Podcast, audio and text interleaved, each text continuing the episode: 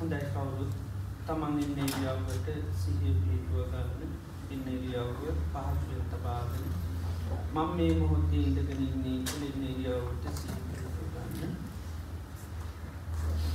මේ මොහොතේ අපි සියලු දෙනාම මේ වාඩි වෙලා තැන්පත් වෙලා බලාපොරොත්තු වෙන්නේ භාග්‍යවත් තරහ සම්මා සම්බුදුරජාණන් වහන්සේගේ උතුම් අවවාදයක් අනුශාසනාවක් සවනය කරන්නටයි.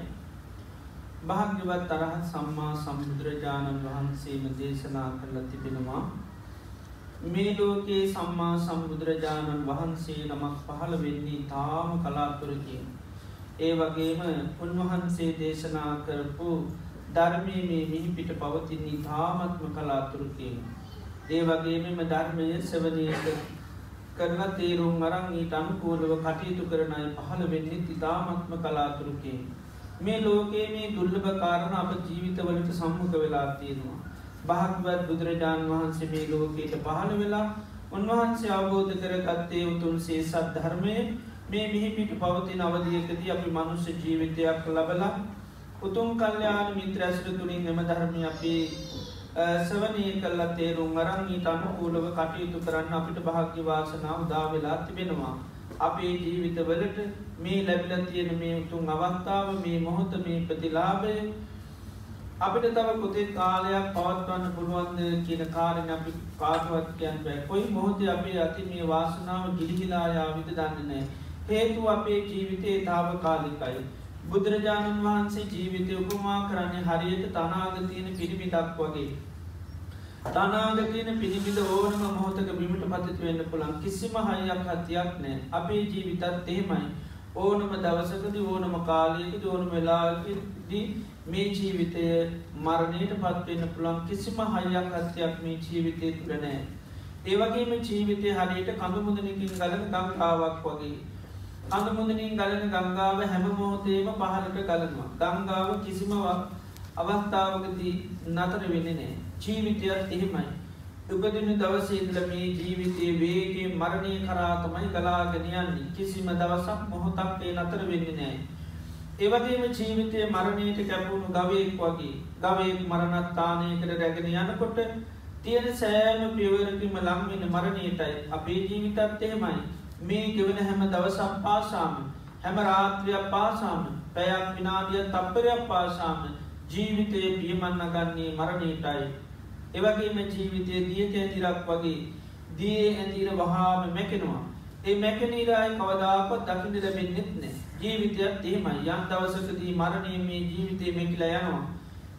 ඒ මරණය මැකන ජීවිත අපට අය කවදාපත් දකිට ලැබින්නේ මේ විදියට ගත්තාම අපේ ජීවිතේ කිසිම හයියක් කත්තියක් නැති වේගේ මරණය කරායන මරණය කරා පියමන්නගන මරණින් මැකි යන ජීවිතයක්.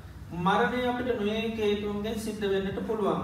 අපි කන්න ගොන ආහාරපාන් බැරි වෙලාවක් වසත් විසක් වුණොත් මැරෙන්න්න පුළුවන්. යන එනකොට පයි හැපිල ලෙසිල වැැපොත් මැරෙන්න්න පුළුවන්. සතේ සර්පය දෂ්ටකරොත් මැරෙන්න්න පුළුවන්. මනු සමනුෂ කරදරවට ලක්ුණොත් මැරෙන්න්න පුළුවන්. වාත පිතසම තුන්දස් කිපුණොත් මැරෙන්න්න පුළුවන්. පරිහරණය කරනුවේ දේවල් මුල් කරගෙන මරණයට පත්වෙන්න පුළුවන්.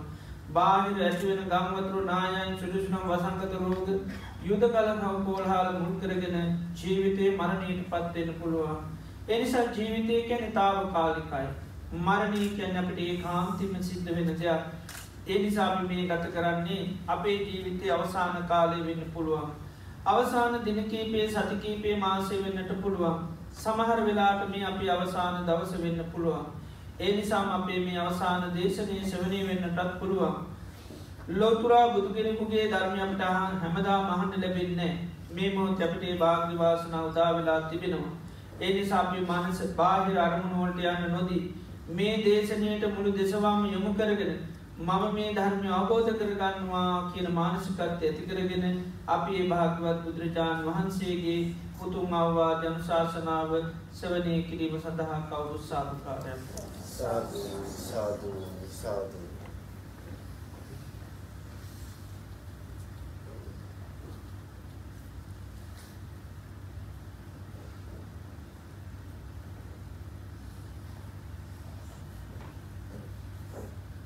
නමුතස්ස භගවතු වරතු සම්මා සම්බුද්ධස්ස නමුතස්ස භගවතු වරහතු සම්මා සම්බුද්ධස්ස නමුතස්ස භගවතු වරහතු සම්මා සම්බුද්දස්ස.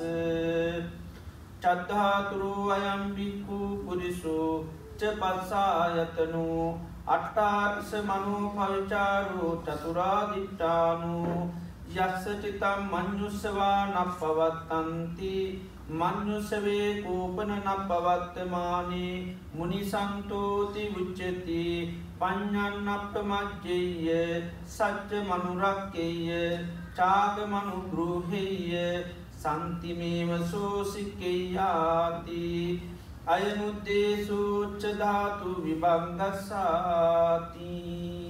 සාධු සාධු සාධු සද්ධාවන්තකාන්න පින්නත්න අපි මේ සන්ධ්‍යයාමී භාග්‍යවත් බුදුරජාණන් වහන්ස අපේ ජීවිත සුපත් කරන්ට දේශනා කරපු ඒ උතුම් වචනා ධර්මය අපි සවනය කරන්ටයි බලාපොරොත්තු වෙන්නේ. භාග්‍යවත් බුදුරජාණන් වහන්සේ නමක් මේ ලෝකයට පහළ වෙන්නේ මේ ලෝක සත්‍යයාට යථාර්ථය සත්‍යය කෙනදේ පහදාතටයි බුදු කෙනෙක් මේ ලෝකයේ පහළ වෙන්න තිතාකල් ලෝක සත්‍යයා අන්දකාරයඉන්න පිරිසක් වගේ යථාර්ථය කියනක මේ ලෝක සත්‍යයට දකිින් හැකියාවක් නෑ. බුදු කෙනෙක් පහළුනාම තමයි මේ යථාර්ථය මේ ලෝකයට දේශනා කරන්න. එතර තමයි ලෝක සත්‍යයට යථාර්ථය තේරුම් ගන්න පුළුවන්. එනිසා බුදු කෙනෙක් පහලනවා කියන්නේ මේ ලෝකට සූරයා පායනෝ වගේ. හඳ පායනෝ වගේ කියල බුදුරජාණන් වහන්සේ ප්‍රදේශනා කරන්නේ. අන්දකාරයේ පවතින ලෝකයාට යමක් දකින්න හැකියාව ලැබෙනවා. ඇති නිසා බුදුරජාණන් වහන්සේ නම පහළු නහම තමයි මේ ලෝකයට ලෝක සත්වයාට යථාර්ථය සත්‍යය කියනක අවබෝධ කරගන්න හැකියාව තියෙන. බුදුරජාණන් වහන්සේ දේශනා කරපු සෑම දේශනයකින්ම අපිට ජීවිතය යථාර්ථය අවබෝධ කර ගැනීම හැකියාව තියෙනු. යදත් අපි භාගිවත් බුදුරජාණන් වහන්සේ දේශනා කරපු වටනා දේශනාවක් ශවනය කරන්නටයි බලාපොරොත්තු වෙන්නේ. මජ්‍යමනිකායට අයිති අවසාන උපරිපන්නාසකයේ සඳහන් ධාතු විභංග සූත්‍රය. භාගවත් බුදුරජාණන් වහන්සේ රජගහනුවරදී දේශනා කරපු දේශනාවක්. දහතු කියල කියන්නේ දේක තියෙන මූනික ස්වභාවයට කෙනෙක නමක් ධාතු ස්වභාවය කෙනෙකට පාච්ච කරන වචනයක් ධාතු කියනෙක. විභංග කියන්නේ බෙදනවා කියන එකයි.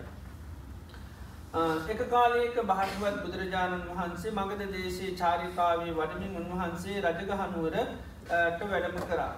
රජගහනුවර උන්වහන්සේ කුඹල්කරුවෙකුගේ කුම්භකාර ශාලාවට උන්වහන්සේ වැඩම කරා උන්වහන්සේට රාත්‍රී වැඩඉන්න අවස්්‍ය වුණා. ඉතින් උන්වහන්සේ රාත්‍රී කාලයේ නවතින්න කුඹල්කරුවෙකුගේ කුඹල් හලකට ගිල්ලා මේ කෙනාට කතා කරල කිව්වා ඔබට කරදරයක් නැත්තං අද මම මේ කුඹල් හලේ රාත්‍රී කාලය ගත කරන්නද කියලා මේ කුඹල්කරුවගේ බුදුරජාණන් වහන්සේ අසා සිටිය. ඒ වෙලාවේ මේ කුඹල්කරුවා බුදුරජාණන් වහන්සට මතක් කරනවා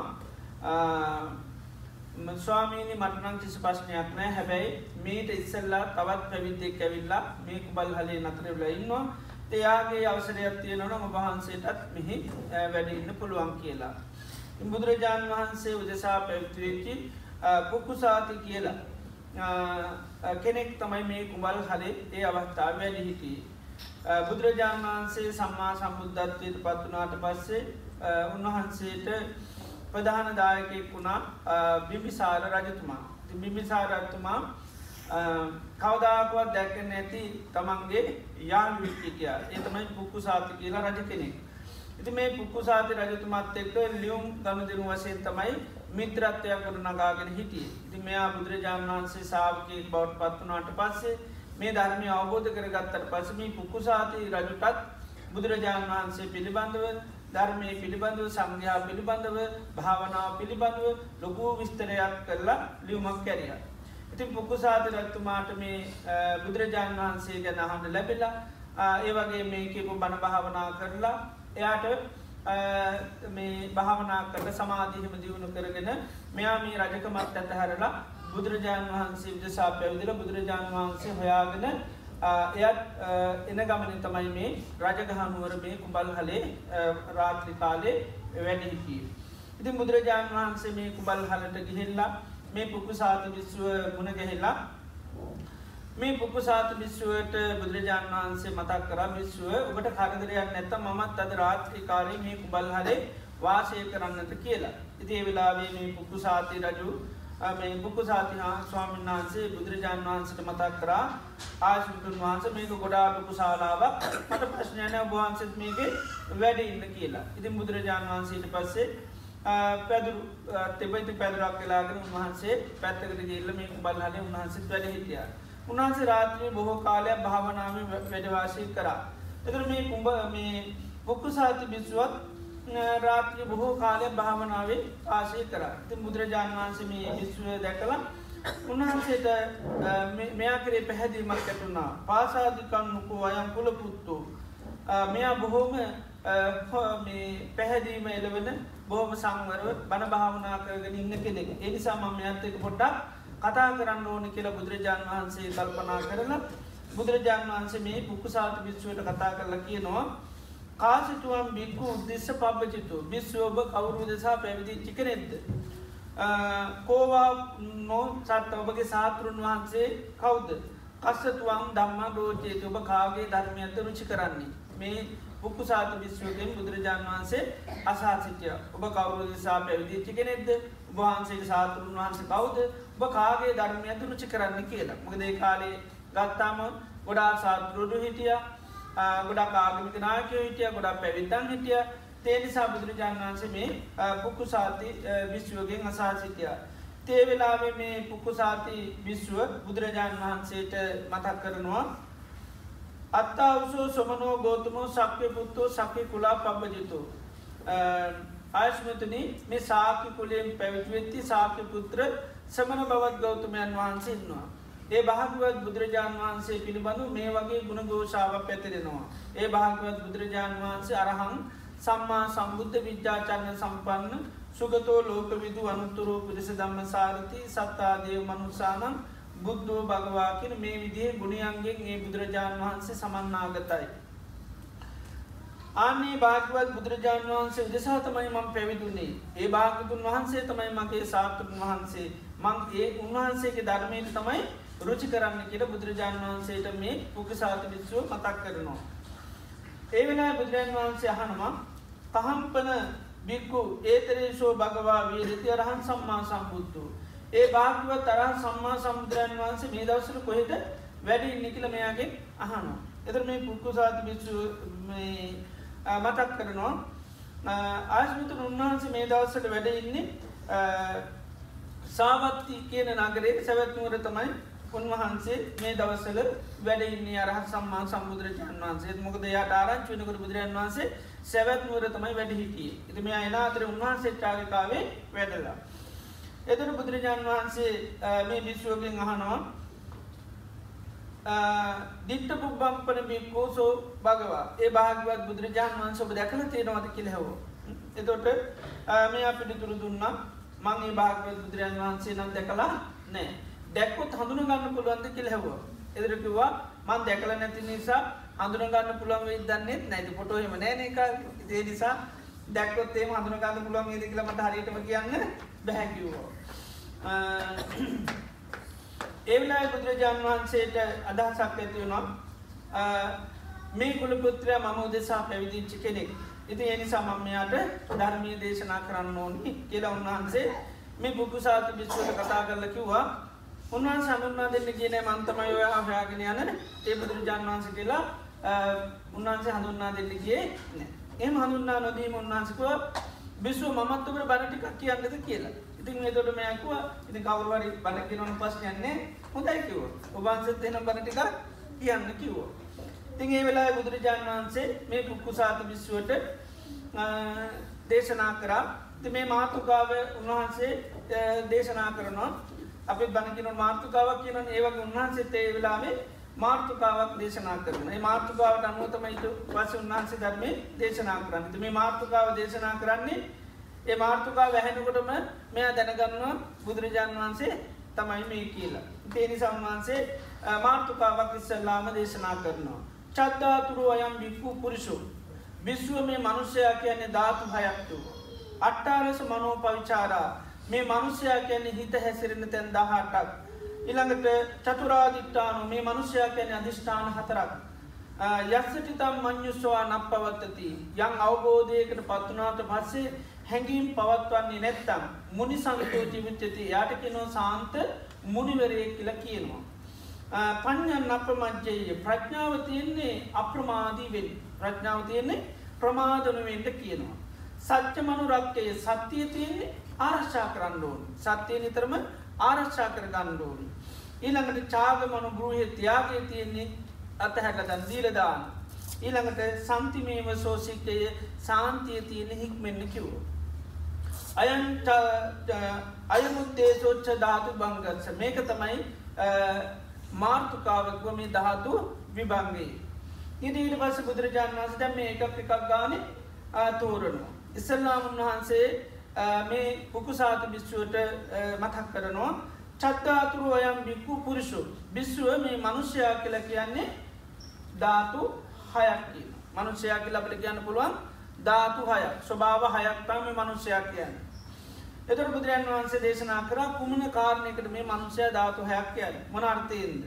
එතට බුදුරන් වහන්සේ දේශනා කරනු පටමීධාතු ආපෝධාතු තේජෝධාතු වායෝධාතු ආකාශධාතු විඤ්ඥාන ධාතු. එත මනුෂ්‍යයා කියන්නේ ධාතු හයක්. පටවීධාතු ආපෝධාතු තේජෝධාතු වායෝධාතු ආකාශධාතු විඤ්ඥාන ධාතු සාමාන්‍යෙන් අපි ධාතු හතරත් තමයි වැඩිපුර අහන්නේ නේද? ඒ තමයි පටවී ධාතු ආපෝධාතු තේජෝධාතු වායුධාතු වායුධාතු එතර බුදුරජාණන්ස මනුෂ්‍යයා කියලා කියනකොටම මේ ධාතු හතරක් නෙවේ ධාතු හයක්ම දේශනා කර මනුෂ්‍යය කන ස්වභාව හයක් හැටියට. ඒ තමයි පටවී ධාතු ආපෝධාතු තේජුධාතු වායුධාතු ආකාශ ධාතු සහ විඤ්ඥාන ධාතු කියලා.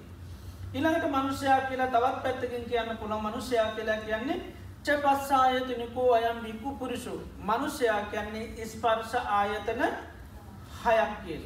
ස්පර්ශය නිස්පාදනය කරන ආයතන හයක් කියන මනුෂ්‍යයා කියන්න. අපි දන්නද ස්පර්ශය සකස්ුනාම තමයි ගොඩා දෙවල් සකස්වෙන්. ස්පර්ශය සකස් වනාම තමයි වේදන හටගන්න.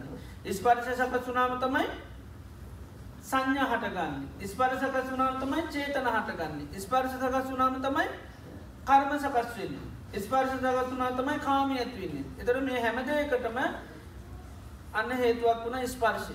එත ස්පර්ශය කියන්නේ සකස්වීම.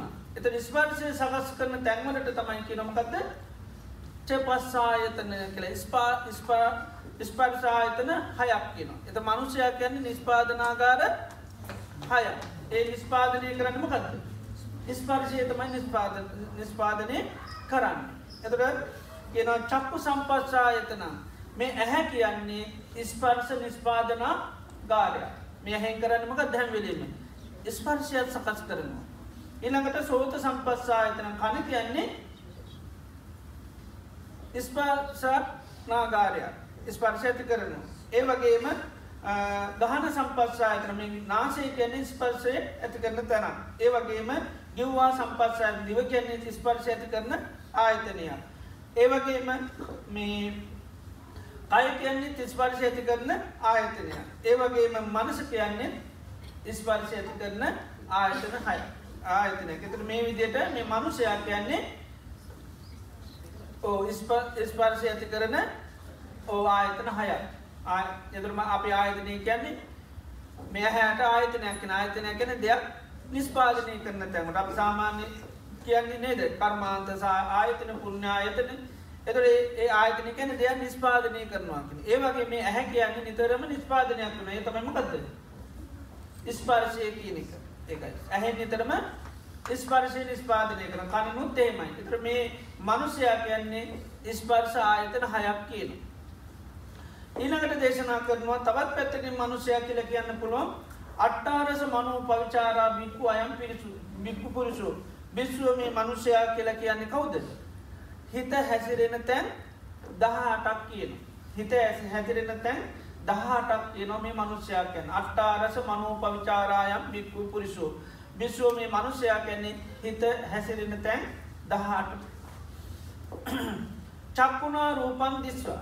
මේ ඇහෙන් රූප දැක්කට පස්සේ සෝමනස්සට්ටානන් රූපන් අවපවිචරදි සමහර වෙලාට ඇහෙන් දැක් රූපයක් දැක්කට පස්සේ සොම්මනසට අනු මේ හිත හැසිරෙනවා. ඇහ රූපයක් දැක්කට පස සමහරලාට මේ හිත සතුටට පත්වෙන නැතන් සතුට අනුව හැසිරෙනවා. සමහර වෙලාට රූප දැක්කට පස්සේ දොම්නසට අනු සමහරලාට රූප දැක්කට පස්සේ උපේක්ෂාවට නැතන් අදුක්කම සුටුවේද මේ විදිහට ඇහි රූපයක් දැක්කට පස්සේ හිත එක්ක සතුට නන් රූප හැසිරෙනවා. නැත්තන් දුකට පත්වෙනවා නැත්තම් උපේක්ෂාවට පත්වෙනවා එතර මේ ඇහි රූපයක් දැක්කාම හිත තුන් ආකාරයට හැසිරෙනවා. ඒ තුන් ආකාරයට සකස් වෙනවා. සොම්නසට දුම්නසට උපේක්ෂා. ආන්නේ වගේ කනට සද්‍යයක් ඇවුනාමත් තේමයි. සොම්නසට අනුව හිත හැසිරෙනවා එක්කො දුම්නසට අනු හැසිරෙනවා එක්කෝ උපේක්ෂාවට අනුව හැසිරෙනවා. එතර දැන් කියද? හය. නද? ඊළඟට නාසයට ගන සුවඳ ආග්‍රහණය වනාමත් සොම්නසට අනු හැසිරෙනවා දුම්නසට අනුව උපේක්ෂාට තුර කියද? නමයයි දිවට රසයක් දැනුනාමත් තේමයි සොම්නසට අනු දොම්නසට අනුව උපේක්ෂාවටන් එතොට දොළහයි. ඉළඟට කයට පහසවල් ඇත්වෙන ඒ පහස අනුව සමාන වෙලාවට ඔන්න සොම්නසට අනුව තම හිත හැසිරේද එම නැත්තම් දොම්නසට අනු එක්කෝ උපේක්ෂාවට. එතොට කියද? පහලවයි ඊළඟට මනසිට සිතිවිලියනවා මනසට සිතිවිලියාපුවම සමාරලාට සොම්නසට අනු හැසිරෙනවා. එම නැත්තන් දුම්න්නසට අනු හැසිරෙනවා? ඒක උපේක්ෂාවට ඇතුන්නවා ඔකට කියනවා අට්ටාරස මනෝ පවිචාර හිත හැසිරෙන තැන් දහට එතට මනුෂයක් කියන්නේ හිත හැසිරෙන තැන් දහට ඔය දාට පුලේ තමයි කැරි කැරි හැමලේම ඔය දාහට පුලේම තම කොයි ඔලේ කරන්නේ ඔය දාහට පුලේ තමයි ඕකෙන් තොරව අපිට මනුෂය කියලා ගන්න කියන්න කතාගන්න විදින්න මනුෂය කියන ඔය තැන් දාහට කැරි කැරගීති ඉන්න ඉති දහට පුලකුත් තියෙනවන. ඉන්න පස්නෙකුත් නෑ නේද? ඔය හැසිරේසින ඉන්නොයි ඒළඟට ඒනි සමී මනුෂයක් කියන්නේ හිත හැසිරෙන තැන් දහටක් කියලකේ නට්ටාරස මනෝ පවිචාරායම් බික්කූ පුරුෂෝ. ඉළඟට බුදුරජාණන් වහන්සේ දේශනා කරනවා චතුරාදිට්ටානෝ අයම් බික්කු පුරුසු මනුෂ්‍යයා කියල කියන්න පුළන් තවත් ක්‍රමයක් තියනවා මනුෂ්‍යයා කියන්න අධිෂ්ඨාන හතරක් කිය. මනුෂ්‍යයා කියන්නේ අධිෂ්ඨාන හතරක් කියනවා. මනුෂ්‍යයා කියන්නේ පඥාධිෂ්ඨාන ප්‍රඥාවක් බවට පත්වෙන. මනුෂ්‍ය ගැන ප්‍රඥාවක් බවට පත්වෙනවා. ඒවගේ මටාගත මනුෂ්‍ය ගැන්නේ සත්‍යයක් බවට පත්වෙනවා. ඒ වගේ මනුෂ්‍යයා කියන්නේ සංසිධන කෙනෙක් වෙනවා. ඒවගේම මනුෂ්‍යයා කියන්නේ අතහරින කෙනෙක් බවට පත්වෙනවා. රහත් වනාම් රාතන් වහන්සේලාටත් රාතන් වහන්සෙත් මනුෂ්‍යයෙන් හැබ උන්වහන්ස රාදුන්නා දෙනකොට ආයතනායක් කියල කියන්නත් බෑ. ඉළඟට හිත හැසිරෙන තැන්දාහට පුලක් කියන්නත් බෑ. ඊළඟට ධාතු හයක් කියල කියන්නත් බෑ. ඇයි ඒ හැම තැනීම උන්වහන්සේලා නිදහස්සලා එත උන්වහන්සේලාට කියන්න පුළුවන් ඔන්නම් උන්වහන්සේලා ප්‍රඥාවක් බවට පත්වෙලා. එනි සම්මනුසයක් කියන්නේ අධිෂ්ඨාන හතරක් බවට පත්වෙනවා. මනුෂයක් කනේ අධිෂ්ඨාන හතරක් බවට අපි අධිෂ්ඨාන කියන්නේ අපි අහවල් තත්වට පස නැත ම මෙහම ගෙනෙක් වෙනවා කිය රහතන් වහන්සේලාන්න ප්‍රඥාවක් බවට පත්වන වෙනවා. එනිසා මනුෂයක් ගැන අධිෂ්ඨාන හතරක් කියර කියන්න පුළුවන් කියන. ඊළඟට බුදුරජාණන් වහන්සේ මේ මාර්ථකාවේ දේශනා කර පඥ්ඥන් නප්ප මජ්ජයේ ප්‍රඥාව තියෙනමකටද ප්‍රමාද නොවෙන්න කිය. ප්‍රඥාව තියෙන අපිට ප්‍රඥාව තියෙනවන එයාන කවුරුද වෙන්න පුළුවන්. අප්‍රමාදී කෙනෙක් වෙන්න පුළ අප්‍රමාදී වෙනවා කියන්නේ ප්‍රමාද වෙන්නේ එතරේ ප්‍රමාද නොවී ඉඩනම් අපිට තියෙන්න්න මවද දේමගත්ත. ප්‍රඥා ප්‍රඥා නැතුවනු ගමන් අපිකද වෙන්නේ. ප්‍රමාදයට පත්වෙන. එනිසා පඥ්ඥන් අප මජ්‍යය ප්‍රඥාව තියෙන්නේ අප ප්‍රමාදන වෙන්න කියන. ඊළඟට සත්‍යය තියෙන්නේ ආරක්ෂා කරන්න ඕනේ. අපි සත්‍යය නිතරම ආරක්ෂා කරන කෙනෙක් වෙන්න ඕන. ඊළඟට ත්‍යයාගේ තියෙන්නේ අපි අතහරිම එක දන් දෙනවකැන් අතහැරි. ඊළඟට සාන්තිය තියෙන්නේ හික්මෙන් පුහුණුවෙන්ට එක නිවන තියෙන අප ඒක පුහුණුවෙන් ඩෝන් සන්තිමීම සෝසික්කේය මේ විදිටත් උන්වහන්ස දේශනා කරා. එතොට මොන කාරණයකට මෙහෙම දේශනා කරය කියන තොට බුදුරජාණන් වන්සේ දේශනා කරනවා පඥ්ඥන් අප මජ්‍ය ප්‍රඥාව තියෙන්නේ අප්‍රමාදී වෙන්. එතර බුදුරජාණන් වහන්සේ දේශනා කරනවා කොහොමද බිස්සුව මේ ප්‍රඥාවෙන් කෙනෙක් අප්‍රමාදී වෙන්. දැන් එතර මෙන්න මේ කාරණා වැරගෙන තම ඊට පස උන්වහන්සේ විග්‍රහ කරන්නේ. කොහොමද කෙනෙක් ප්‍රඥාවෙන් අප්‍රමාදී වෙන්. ප්‍රඥාව දියුණු කරලා පම අප්‍රමාදී පුද්ගලය බවට පත්වෙන්නේ කොහොමද කියලා. ඊළඟට බුදුරජාණන් වන්සේ දේශනා කරනවා චෛමා බික්කු ධාතු විශ්ව ධාතු හයත්තින ද මනුෂ්‍යයා කියන්නේ ධාතු හය. එතට මනුෂ්‍යයා කැන ධාතුවයක ධාතුහ දේශනා කර පටවී ධාතු ආපෝ ධාතු තේදු ධාතු වායු ධාතු ආකාශ ධාතු විඤ්ඥාන ධාතු. එතර මේ ප්‍රඥාව දියුණු කරලා කොහොමද අප්‍රමාධ වෙන්නේ කෙන එක තමයි තෝරන්න. එතට ඒ සඳහා වහන්සේ අප්‍රමා මේ ප්‍රඥාවෙන් අප්‍රමාධ වෙන මේ ධාතු හය සාාවක අවබෝධ නැත ධාතු හය නිදහස් වෙන්න ටෝන් ඉතින් ඒක උන්වහන්සම ඉලකට දේශනා කරනවා කතමාච බික්කු පටවී ධාතු විශ්ව මොකක්දමී පටවී ධාතුව කියල කියන්න. එට පටවී ධාතු බුදුරන් වහන්සේ දේශ කරනවා පටවී ධාතු සයා අජ්‍යත්තිකා සයා බාහිර පටවී ධාතු දෙකත් තියෙන. අජ්‍යත්තික සහ බාහිර කියලා. අජ්‍යත්තික පටවී ධාතුව කියල එකත් තියෙනවා බාහිර පටවී ධාතු කියල එකත් තියෙන. ති ඔක්කොම බුදුරජාන් වහස දේශනා කරනවා. කතමාච බික්කු අජ්‍යත්තිකා පටවී ධාතු. මොකද මේ විශ්ව ආධ්‍යාත්මික පටිවී ධාතුව කියන් එතොට දේශනා කරනු අජ්ජත්තම් තමා තුළ. පච්චත්තම් තමා යයි සලකන. මේ පටවී ධාතුව අපි සලකන්න මොකකටද මම කියල තමයි සලකන්න තමා කියල තමයි සලකන්න. අජ්‍යත්තම් පච්චත්තම් කක් කලම් කරීගතන් තද ගොරු ස්වභාවෙන් යුත්. උපාදින්නම්. මේ තද ගොරු ස්වභාවයට හිතමකත් වෙලා තින්නේ හිත බැඳිලක හිල්ල තියෙන් මේ තදගුරු ස්වභාවට හිත බැඳිල දීල තියෙන්. එතොට මොනවද මේ ආධ්‍යාත්මික තොට පටවී දහතු. කේසා ලෝමා නකා දන්තා තටු මන්සං නහාරු අට්ටි අට්ටිමින්ජා වක්කම් හදයන් යකනං කිලෝමකම් පියකම් පප්පාසම් අන්තන් අන්තගුණම් උදරියන් හරිසම්. මෙන්න මේවාටක නොමකක්ද අජ්ජත්තික පටවී ධාතු. එතර මේවා අජ්‍යත්තන් කැන තමා තුළ තියෙන.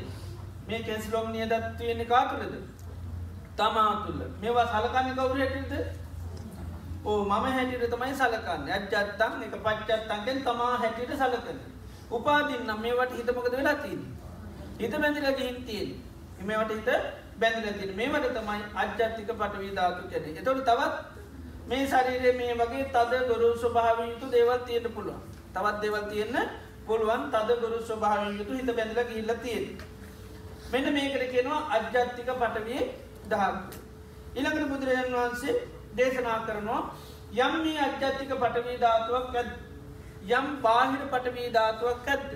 පටවී ධාතුරේ වේසා මේ දෙකමකද පටවී ධාතුවක් මේ දෙකම පටවී ධාතුව කියනවා. එදට දැම් බුදුරජාණන් වන්සේ ආත්‍යහාත්මික පටවී ධාතුව තේරු. හැබැයි බාහිර පටිවිධාතුව තේරුවේ නෑ. ඇයි බාහිර පටිවිධාතුව තේරුව නැති. ඒක අමුතිය තෝරලා දෙන්න දෙයක් නෑ ද පස්. පස් කිව්හම දැ කාටුවත්න තේරෙනවාද පස් කියන්න මොනවද කියලානවාද ද පස් පිටිවඳ කාටුවත් පස්න ඇති නම් එනම් පස් ගැන අමුතියෙන් ආය විග්‍රහ කරන දෙයක් නෑ පස් මොනවාගේද නිකම් කිව්වත් නිකන් සැහැල්ලුද? තදද? ගොරෝසුද? අජ්‍යතික පටිදාගකව කක්කරම් කරීගතැන්කිවෝ තද ගොරෝසු භාන යුත්තයිකොම අජ්‍යතික පටවේ ධාතුකුම් තදයි. අල්ලන්න පුළුවන් නේද? ගොරෝසුයි ඒ අජ්‍යතික පටි විධාතු දැන් පස්? පසුත් ඒ ස්වභාවෙන්ම යුත්තයි එත අජ්‍යතික පටවි ධාතුවර තේරුවට බැයි බාහිර පටවි ධාතු තේරුවේ එහෙම තේරුවෙන තෙයි පොළොව ගැන අමුතුව උගන්නන්න දෙයක් නෑ පොළොවත් එක්ක නේද?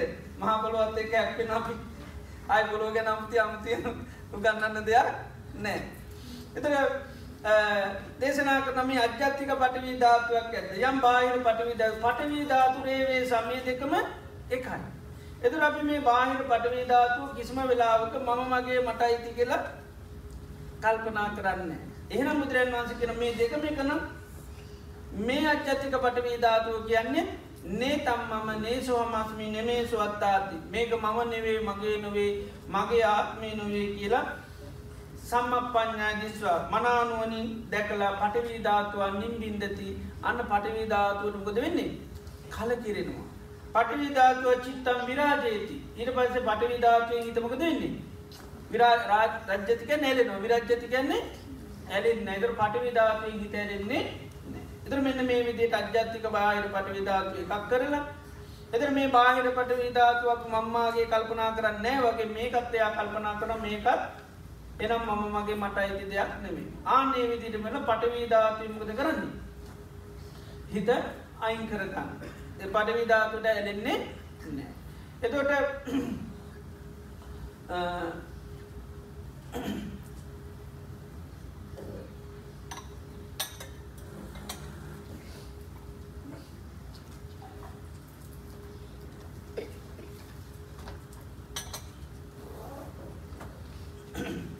එතුර මේ ශරීරයේ මේ කෙස්නොම් නියගත්තාට මේවට පටවිධාතුව කියෙන ඇතර මේකත් අර බාහිර පටවීධාතුවත් එක්ක ගැලපෙන සැසදන එක පටවේධාතු රේවේශකෙන් මේ දෙකම එකයි. ජාපය කෙස් කෙස් පොලෝට වැට මොනවද වෙන්නේ? අපේ කෙස්ටික කබල දාලා තවබුතු කීපයකින් බන්න මෙන්න මේතන තමයි මගේ කෙස්ද දැන්න. කෝ දැන මොනද වෙලාති පත් තමයි ගන්න තියෙන්නේ. කෙස්සෝයෙන් හම්බියෙන්නේ නෑ නේද? වැටිටි දක්ටික ගිහින් දාලා නේද? කාලයක් පසේට පද තවට ඒකත් අහ හයන්න හම්බියෙන්නේ නෑ නියපොතු ටික කබල දැම්මත් ඒවා එද මේ පාස්ටි දැම්ම වගේ පොලොට මේ පටවි ධාතුරු ලොකු පස්නය ඇති දැක්මට පත් මේ දෙක නිතරම පෑහෙනුවම සක්ක සැසදනුවම සක්ක කිසිම ප්‍රශ්නයක් නෑ එන මේ මහපොලෝට මේ පටවි ධාතුව දැම්මිකාමනොද වෙන්නේ? පස්සෙනවා ඇයි පස්වෙන මේකත් පස් ස්වභාවය තමයි තියෙන්නේ. දැම් පොඩ්ඩක් වෙනස් වෙලා තිබුණට මේකෙත් තියෙන්නේ පස්.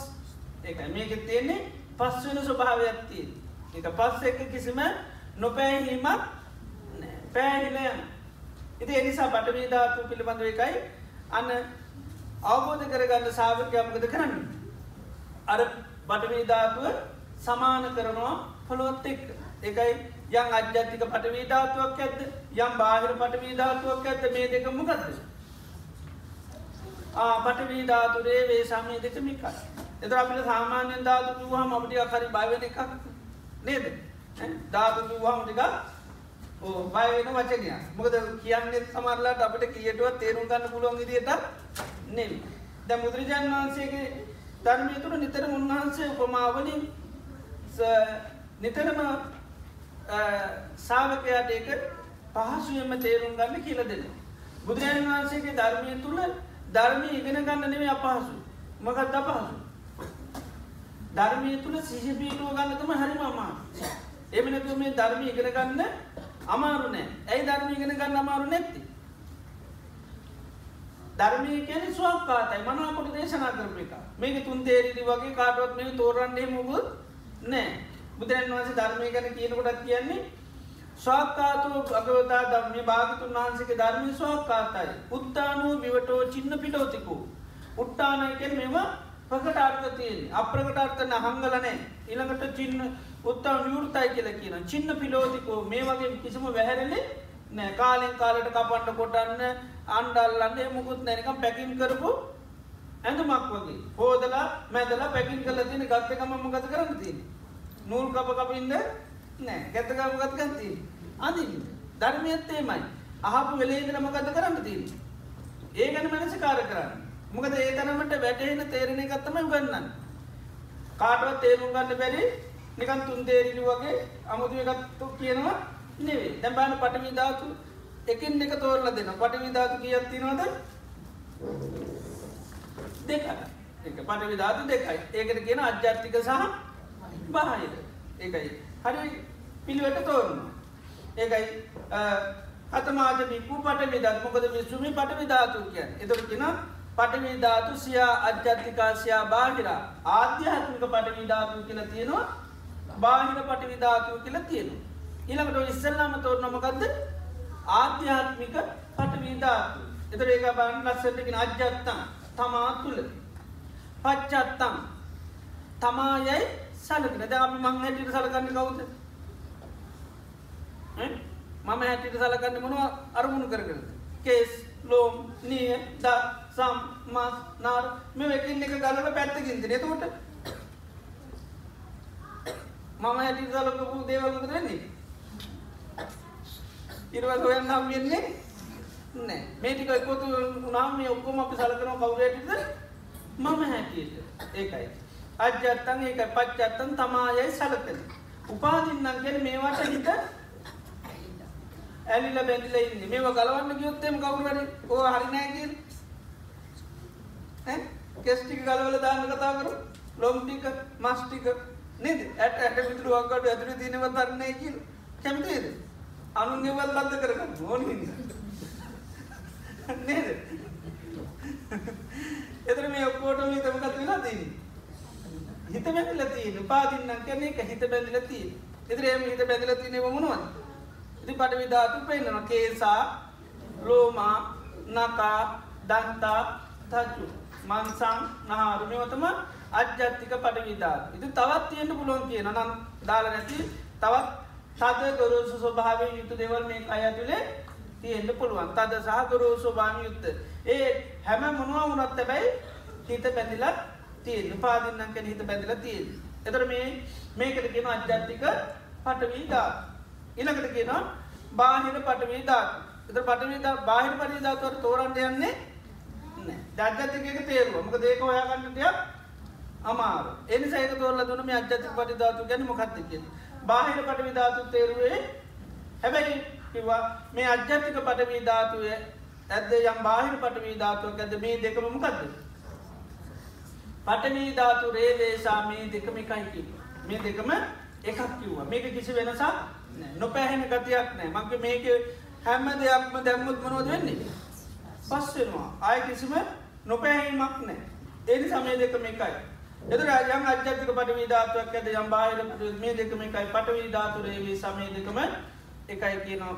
ඒ නිසා අපි පාහිල පටවී ධාතුවය නම් මම්මාගේ මට අයිති කියල කල්පනා කරන්න නෑවගේ මෙන්න මේ ආධ්‍යාත්මික පටවි ධාතුව ගැන සාාවකයා අන්නර ප්‍රඥාව ඇති කරගෙන අප්‍රමාධි වෙනවා. මේ පිළිබඳව ප්‍රමාද වෙන්නේ මුලා වෙන්න අතරමං වෙන්න යන්න මේක පිළිබඳවයා සම්පූර්ණ නිදහස් වෙනවා. ඒ සඳහයා මේක කල්පනා කරනවා. නේතම් මම නේසෝ හමස්මි නමේ ඒසෝ අත්තා. මේ ආධ්‍යාත්මික පටවී ධාතු ගැන මාගේ නොවේ මම නොවේමි මගේ ආත්මය ඉති මේ පිළිබඳව තවත් පැහැදිලි කිරීමක් මහා හත්ති පදුවපන් සූත්‍රයේ සාරිපුත් මහරහතන් වහන්සේ දේශනා කරනවා. උන්හන්සේ දේශනා කරනවා ආයස්මිතුන් මේ මහපොලෝ තියෙනවන්. මේ මහපොලො සමහර වෙලාට ගංවතුර සුනාමි වගේ දේවල් ලාබාමකද වෙන්නේ? මහපොලො කෑලිත් කඩාගෙන යන් මහපොලො විනාශ වෙනවා. ඉතින් ඒසා මහත් පොළොව කැරල විනාශලා යනවන් ඩිංගිත්තම් මේ පොළොව කොයිවෙලේ කැරල බිල්ලයක් දන්නේ ඒනම් මේක අහන්තිවා මමන්තිවා ස්මීතිවා මේක මමේ මාගේ මටයිති කියල සැලකීමන සුදුසුම නෑකි අච්චර මහා පොළොවකුත් විනාශවල යනව මේ පොළො කොයිවෙලේ විනාශලයි දන්නෑ කිනවා එනිසා මේක මමේ මාගේ මට ඇති කියලා සැලකීමන සුදුසුම නෑකීම. එතට එනිසාමන්න මේ ආධ්‍යාත්මික පටවී ධාතු මේ විදියට සාාවකයානුවනින් විමසල මේ ආධ්‍යාත්මික පටවී ධාතුවෙන් යාමකද කරන්න හිත අයින් කරගන්න. එස නම ගැන අධ්‍යාත්ම පටවි ධාතුවෙන් හිත අයින් කරගන්න. ඉළඟට බුදුරජාණන් වන්සේ දේශනා කරනවා ආපෝධාතු ත්‍රාපෝධාතුවත් බුදුරජාණන් සරවිදියටම දේශනා කරන ආපෝධාතු දෙගත්තියෙනවා අජ්‍යත්තික සහ බාහිර කියලා. අච්චයා අජ්‍යත්තිකාසයා බාහිර ඉළඟට ආධ්‍යාත්මික ආපෝධාතු තේරෙන. අජ්‍යත්තන් තමා තුළ පච්චත්තන් තමායයි සලකන.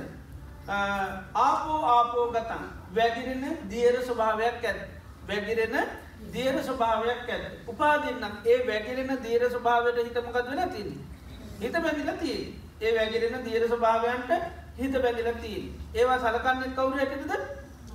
ආතමා හැටිට තමයි සර තියෙන්නෙක් වේද තමාතුර තිය ඒක. ඊළඟට ඒව මොනවද? ඊළඟට පිත්තන් සෙම්මම් පුබ්බෝ ලෝහිතන් සේදු මේදු අස්සු වසා කේලු සිංගානිකා ලසකා මුත්තම් මේ ඔක්කෝ මොනවද? දියර වැගිරෙන ස්වභාවික පිත්ත සෙම සැරවලේ ධාරිය මුත්‍ර මේ ඔක්කොම දියර ස්වභාවී යුත්තයි වැගිරෙන ස්වභාවය යුත්තයි ඒවගේ තවත් සරේ දියර ස්වභාවෙන් වැගෙන ස්වභාවෙන් දේවල් තියෙන්න්න පුළුවන්. ඒ ඔක්කෝ මොනවද? අජ්ජත්තික ආපෝ ධාතුව කිය ඉළඟට දේශනා කරනවා යාචීව අජ්‍යත්තික ආපෝධාතු යාච බාහිර ආපෝධාතු මේ ආත්‍යහත්මික ආපෝධාතුවක් ඇත් යම් බාහිර ආපෝධාතුවක් ඇත් ආපෝධාතු රේවේශා මේ දෙකම එකම වැගිරෙන ස්වභායනතු දේවල් කිය ආධ්‍යාත්මික වෙන පුළ බාහිර ද බාහිර ආපෝධාතු තෝරන්න යන්නේ මොකද බාහිර ආපෝධාතු තැන් ජලය වතුර. දවතුර ගැන අමුතුයෙන් කියන්න දෙයක් නෑ වතුර ගතිය කියන්න ඕනිත් නෑ වතුර ගතියම ගත් නෑ වැගිරෙන දියර ස්වභාවෙන් යුතයි වතුර. එති එනිසා බාහිර වතුර අන්න බුදුරජාන් වහන්සේ තෝරන්න යන්නේ ඇබ අධ්‍යාත්මික වතුර තෝරන. හැබැ මේ දෙකම එකයි කිය එන ආධ්‍යාත්මික බාහිර ආපෝධාතු දෙකම එකන අපි බාහිර වතුර කොවිරේකුවත් වතුර මම්මගේ මට අයිති කියල තන්නේ එනම් මෙතර තියනෙත් වතුර. මේකත්තේ නම් අන්න සාාවකයා නුවන මිමසල බලන්නේ තම් මම නේසෝ හමස්මින මේසෝ අත්ත. මේකත් මාගේ නොවේ මම නොවම මගේ ආත්මි නොවේ. ඒව මේත යථාපත මෙන්න මේ විතර මේ ආපෝධාතුව තියෙන යථා ස්වභාව මනා නුවනින් දැකල. ආපෝධාතුවා නිම්බින්ද ආපෝධාතුකද වෙන්නේ හිත කල කිරෙනවා. ආපෝධාතුව චිත්තම් විරාජයේදී ආපෝධාතුන් හිතමකද වෙන්නේ. අයින් වෙනවා. දැන් ධාතු කියකින් හිතයින් කර ගත්තද. දෙකයි. පටවීධාතිය ස්වභාවයක් දැකල පටවිධාතියනුත් හිත අයින් කරගත්ත ආපෝධාතිය ස්වභාවි දැකල ආපෝධාතියනුත් සිත අයින් කරගත්ත. එතන මෙන්න මේ ආපෝධාතුව අජ්ජාතික බාහිර ගත්තා. මේ දෙකම එකයි කියන තර මේ මේ කයේ තියෙන වැගිරෙන දේර ස්වභාව මේ ඔක්කෝම් වතුරට වැටනු මොකද වෙන්නේ?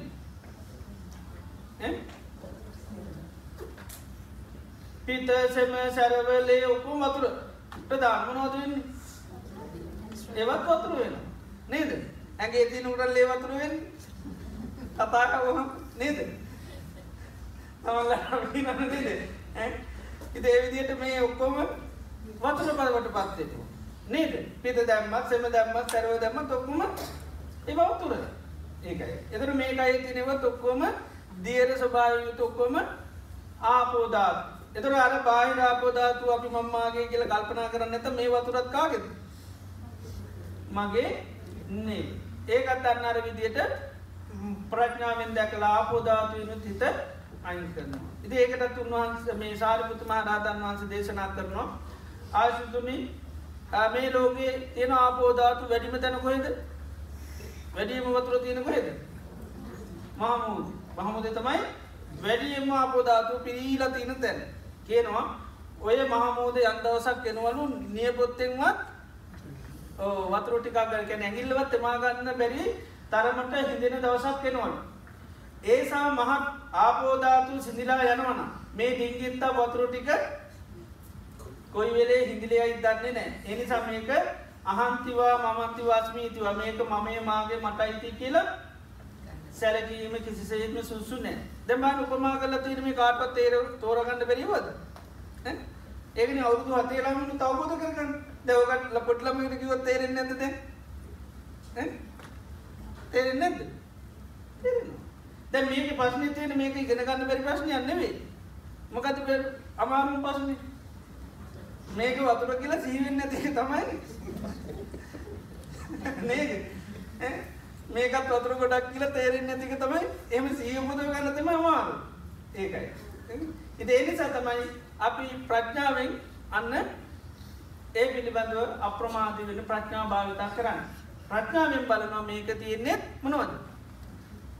වතු බාහිරත් තියෙන්නේ මේ දෙකම හැබැයි එකයි අපි දෙන්න ඔය දෙන්නම එකයි කියලා කියන්න සමානට එතන මොකද වෙන්නේ? අරයට කරකිරුණා නම් මල කියනවා. අරයත් මගේ නෙවෙයි නම් මෙයත් මගේ නෙවෙයි. අපි කියන්නේ එකම සෑම්පල් අය කියලා. නේද? ඒ වගේ තමයි මේකත්. නේද?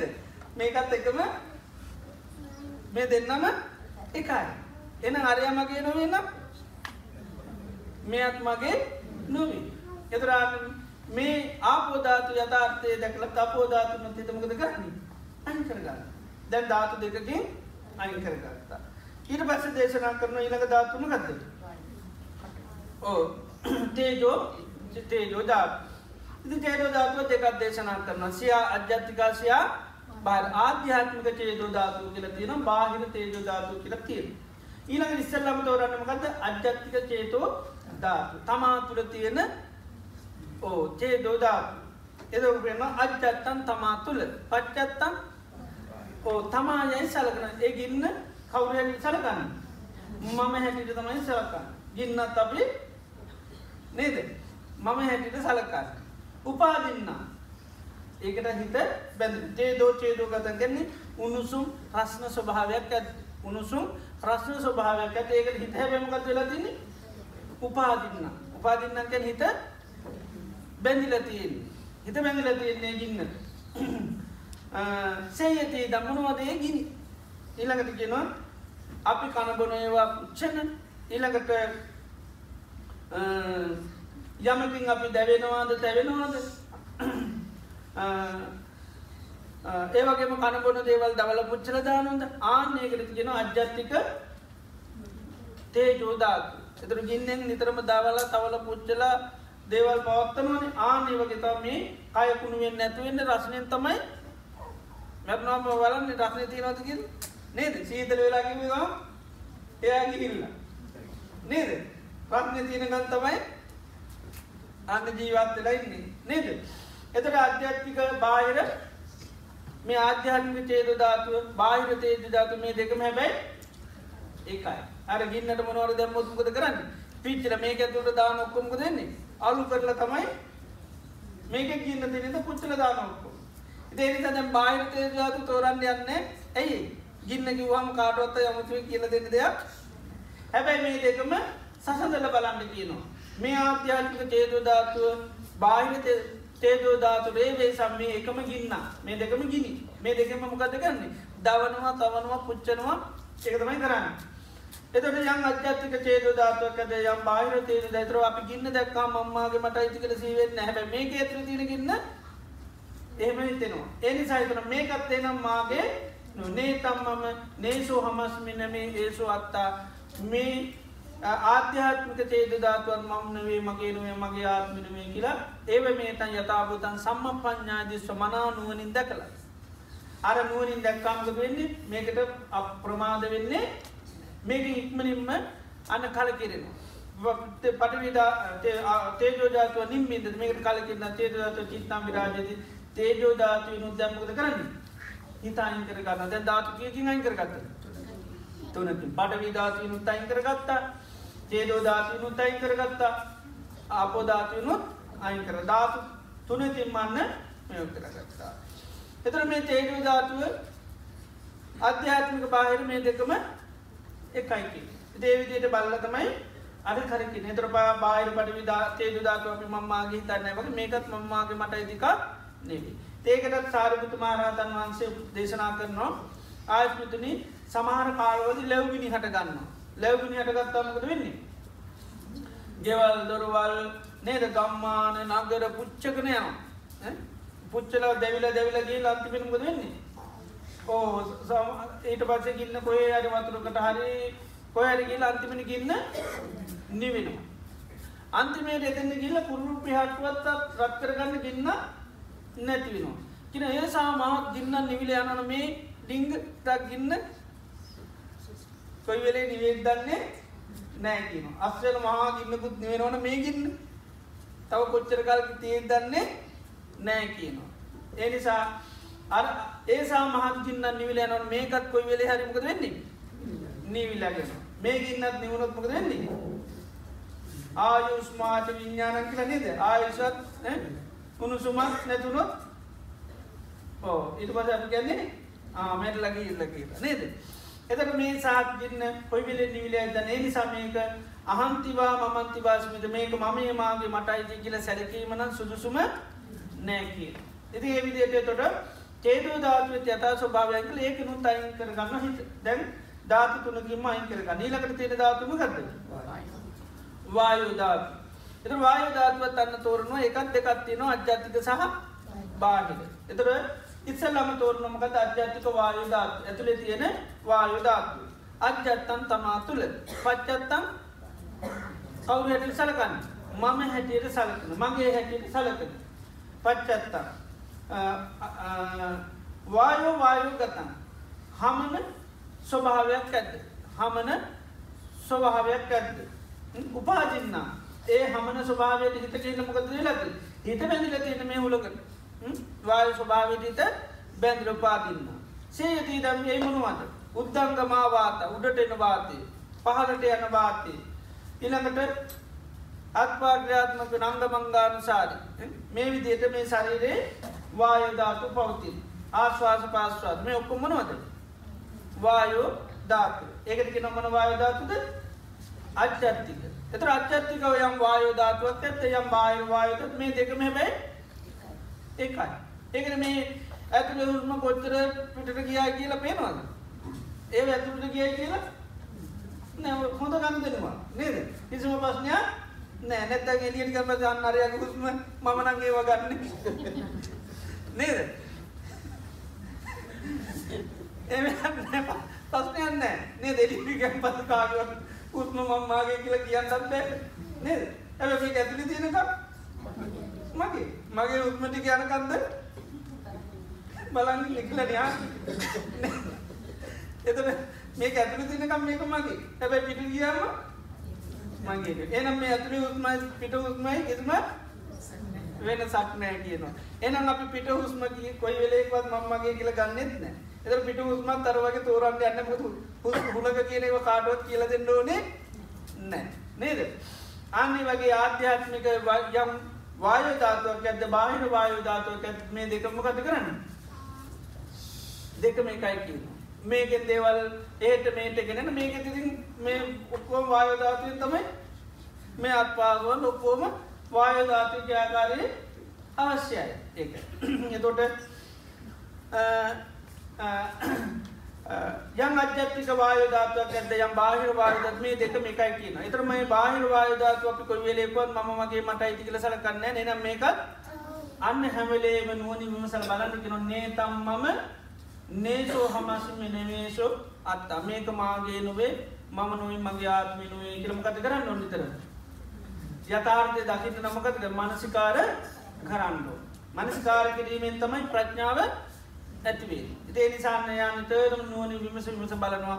මේ යම් බාහිර ආපෝ ආපෝ වායුධාතුවක් ඇත්ත ආධ්‍යාත්මිකව මේ දෙකම එකයි. සසඳනවා අරයයි මේ දෙන්නම එක එනම් එයත් හරි නෑ කියර වගේ නම් මෙයත් මාගේ නොවේ මම නොවමි මගේ ආත්මය ඒවිදිටක ප්‍රඥාව බලන තොටමක වෙන වායුධාතුව මුත්තිත වායධාතුව නිම්බින්ද දේකට කල කෙරෙනවා වායධාතු චිත්තම් විරාජයති වායධාතුට හිත ඇරෙන්නේ නෑ හිතේ ඒ වායධාතු යධාර්ථ පෙනුට එකරි තැරෙන්නේ එද වායධාතු මුච්චි තංගන දැන් ධාතු කීරින් අයින් කරගත හතරකින් මයින් කරගෙන තියෙන එතර මේ වායධාතු පිළිබඳ සැරිත් මහරතන් වහන්ස දේශනා කරනවා.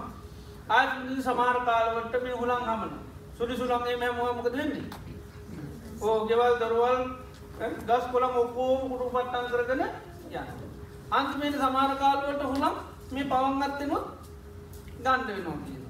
ඉති ඒකත් හුළම්මකද වෙන්නේ.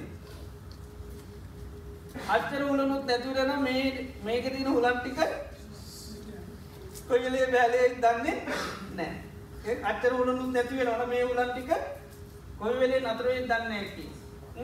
බාහිරව එච්චර හුලම් නේද? අමන හුලම්මකද වෙන්නේ. අයි නැතිවලෑන් එත හුලන් නැතින මිනිසු මුද කරන්න? පවන් අතු කරනු හුලන් හමාගන්න එක්කර හුලන්ට පුකුත් නැතිවරන මේක තින හුලම් කොයිවිලේ බෑලය දන්නේ නෑ හුලම් බයින කත්තමයි නේද?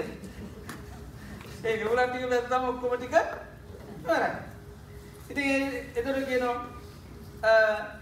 ඒ නිසා මෙන්න මේ වායු වායු ධාතුව අහන්තිවා මන්තිවාස්ම මේකත් මම මාගේ මට අයිති කියල සැරකීමන සුදුසු නෑ කියන. මොකද අච්චරසා මහත් වායු බාහිර වායු ධාතුවක් අයිනන මේ දෙකමිකයින් ඒකත් අයිනන ඒකත් නැතිවලන මේකක වෙලේ නැතිවල දන්නේ නැහැකීම.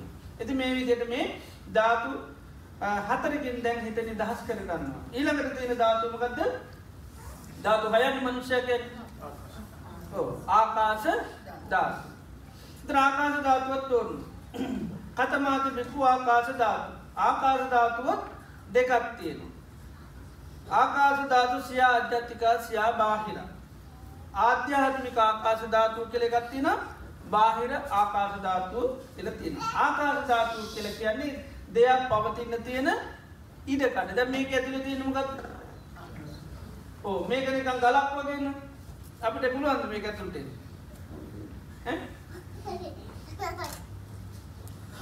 එමගේ ගලක් වුණා නොමකද වෙන්නේ?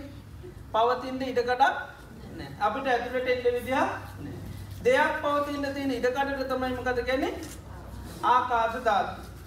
දැම් මේ අත මේ මේ යවන්න පුළුව ඒ මොකින්ද ඔව. මේ ඇතුළ පෙට්ටියක් තියෙනවා අත දාන්න විදිහක් නෑ ඇයි? අවකාශයක් නෑ ඇතුල්ලෙන්න විදිහක් නෑ නේද ඇතුළට දාන්න විදිහක් නෑ ඒනම් දෙයක් පවතින්න තියෙන ඉඩකටට තමයි ආකාශ ධාතු කියලා කියන්න.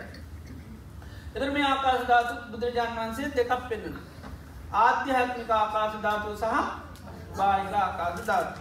මොනොද මේ ඇතුළ තියෙන ආකාශ ධාතු. එතරගෙන අජ්ජත්තන් තමා තුළ. ඒ ආකාශ ධාතු සලකන්න මොකකැටිට තමා හැටි පච්චත්තම් තමා යැයි සලකන. ඊළඟට ආකාශ ආකාශ ගතා.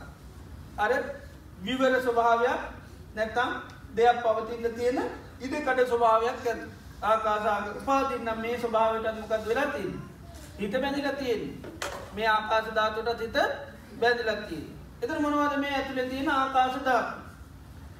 කන්න චින්දම් කන්සිදු ඉළඟට නාසචින්ද නාස්සිදු මොකක්දවාරම් කට. ඉළඟට අසිත කාල් අසිත පිරිත කාය කායතන් අජ්ජෝ හරති. ඒවගේම මේ කණබන දේවල් අරායන්න ඒව තැන්පත් කරන. ඒව පිට කරන. මේ ඔක්කෝ මොනවද? ආකාශ දාත් දෙයක් පවතින්න තියෙන ඉඩකට එක. දැ මේවා වැැවුණොත්මකද වෙන්න? වහන්ට කතා කරොත්තේ එතර කාගෙද? එතර මගේ වෙන දැන් දැන්නම් දන්නෙත් නේද? ආකාරදාත්කට තම බැදිරින්නවා කිලවත් දන්නේ නැබැයි වාන්නේම කතා කරත්තේ නේද? එ බඩට අර පිපෙන මොනවරි දාලා පුංගල වහලදාන්න කතා කරොත්තේ එතුරු මං කොහෙට්ටද කන්නේ කිය නේද? එතර මේ ඔක්කෝට මත්තුකද වෙලා තියෙන හිත පැතිලා තියෙන ඒකට තමයි අධ්‍යත්තික ආකාශ ධාතු කියන්නේ. දෙයක් පවතින්න තියෙන ඉඩගනිත මේ බාහිර මේ අවකාශය අපි මම්මාගේ තැනත එනම් මේක තියෙන්නේ මේ අවකාශයක් මම මගේ මට අයිතික නේ එත මේ ආකාශය පරිවාර කරගෙන තමයි තියනට චරිත් මාරාතන් වහන්ස දේශනා කරනවා ගයක් හදනකොට නිතර මේගේ හදන්න මොකක් කරගන්න කනු හිටවල බිච්චි බැදල ඇතට ඊට පසම කත කරන්නේ? අවකාශයක් හදන ආන්නේ වගේ තම මේ කයක් නිතරම අවකාශ සහිතයි. එතේ නිසා තමයි මේ දෙයක් පවතින් ඉටකඩ ඉතින් මෙන්න මේ ආකාශ අධ්‍යත්තික ආකාශ ධාතුවත් මේ බාහිර ආකාශ ධාතු අපි මේ බාහිර අවකාශ ප්‍රවිලේක මම්මාගේ හිතන්න මේකත්තේන ආන මේ බාහිර අධ්‍යාත්මික ආකාශ ධාතු කියන්නේ මම නොවේ මගේ නෙවෙයි මගේ ආත්මය නෙවෙයි කියලා අන්න ප්‍රඥාවෙන් දකින්න. ඒතර මෙයා බාහිර ආධ්‍යාත්මික ආකාශ ධාතුවටත් හිත කලකිරෙන. ඒකෙනුත් හිතා ඉන්න. දැන් ධාතු කීයකින් ඔව් පහකින් හිතා ඉන්න කරගන්න.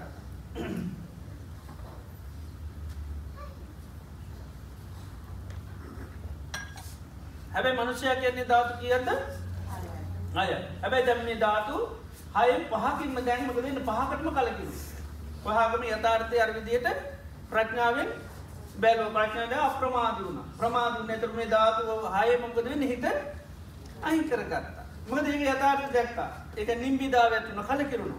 ඇයි කලකිරුණි? අර බාහිර බාහිර පටවිධාතුවත් එක සැනතුවා බාහිරා පොදා එතට දෙකම එක වගේ වුණා. එතර එහෙනම් මේ ඔක්කොම් මම්මාගේ මට අයිති කළ ගන්න?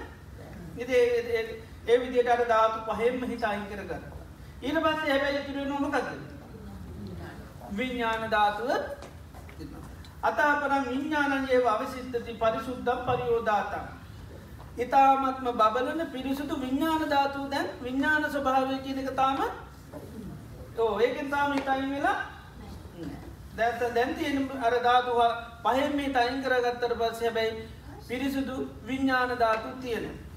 තේන විඤ්ඥානයේ ආනේ විඤ්ඥාන ධාතු විඤ්ඥානී කින් ජානාති මොකද්ද දැන ගන්න. ද විඤ්ඥා විජානාති ඉතිකෝ මික්වේ තස්මා විඤ්ඥානන්ති උච්චිතිකෙනවා නෙද දැනගන්නවා කිය අර්ථයෙන් තබමි විඤ්ඥානය කියල මනවද දැනගන්න. සුකම්පි විජානාති සැපයි කියලා දැනගන්න. දුක්කම්පි විජානාති දුකයි කියල දැනගන්න. අදුක්කම සුකම්පි විජානාති සැපදුක මිස්ත්‍රයේ කියලා දැනගන්න. එතර විඤ්ඥානයෙන් නිතරමකද කරන්නේ දැනගන්නවා කියන. එතරගෙන මේ පිරිසුදු විඤ්ඥානය එක ඇත්තේන විඤ්ඥානන කින්ජානාති මොකක්ද දැනගන්න. එතර කියනවා සුකම්පි විජානාති සැපයි කියල දැනගන්න. දුක්කම්පි විජානාති දුකයි කියලා දැනගන්න. අදුක්කම සුකම්පි විජානාති සැපදුක මිස්ත්‍රයි කියලා දැනගන්න. ඉට පස්සේ සුකවේදනයම් බික්කු පස්ස පටිච්ච උපද සුකා වේදනා. එතර මේ සුකවේදන හටගන්නමකින්ද අපට සුකවේදනාව කටගන්නමකින්ද. පස්ස පස්ස පච්චය වේදනා පච්චය පස්ස පච්චය මකද වේදනා කියලන ස්පර්ශ ප්‍රත්තියෙන් තමයි සුකවේදනා හටගන්න කියන. එතොට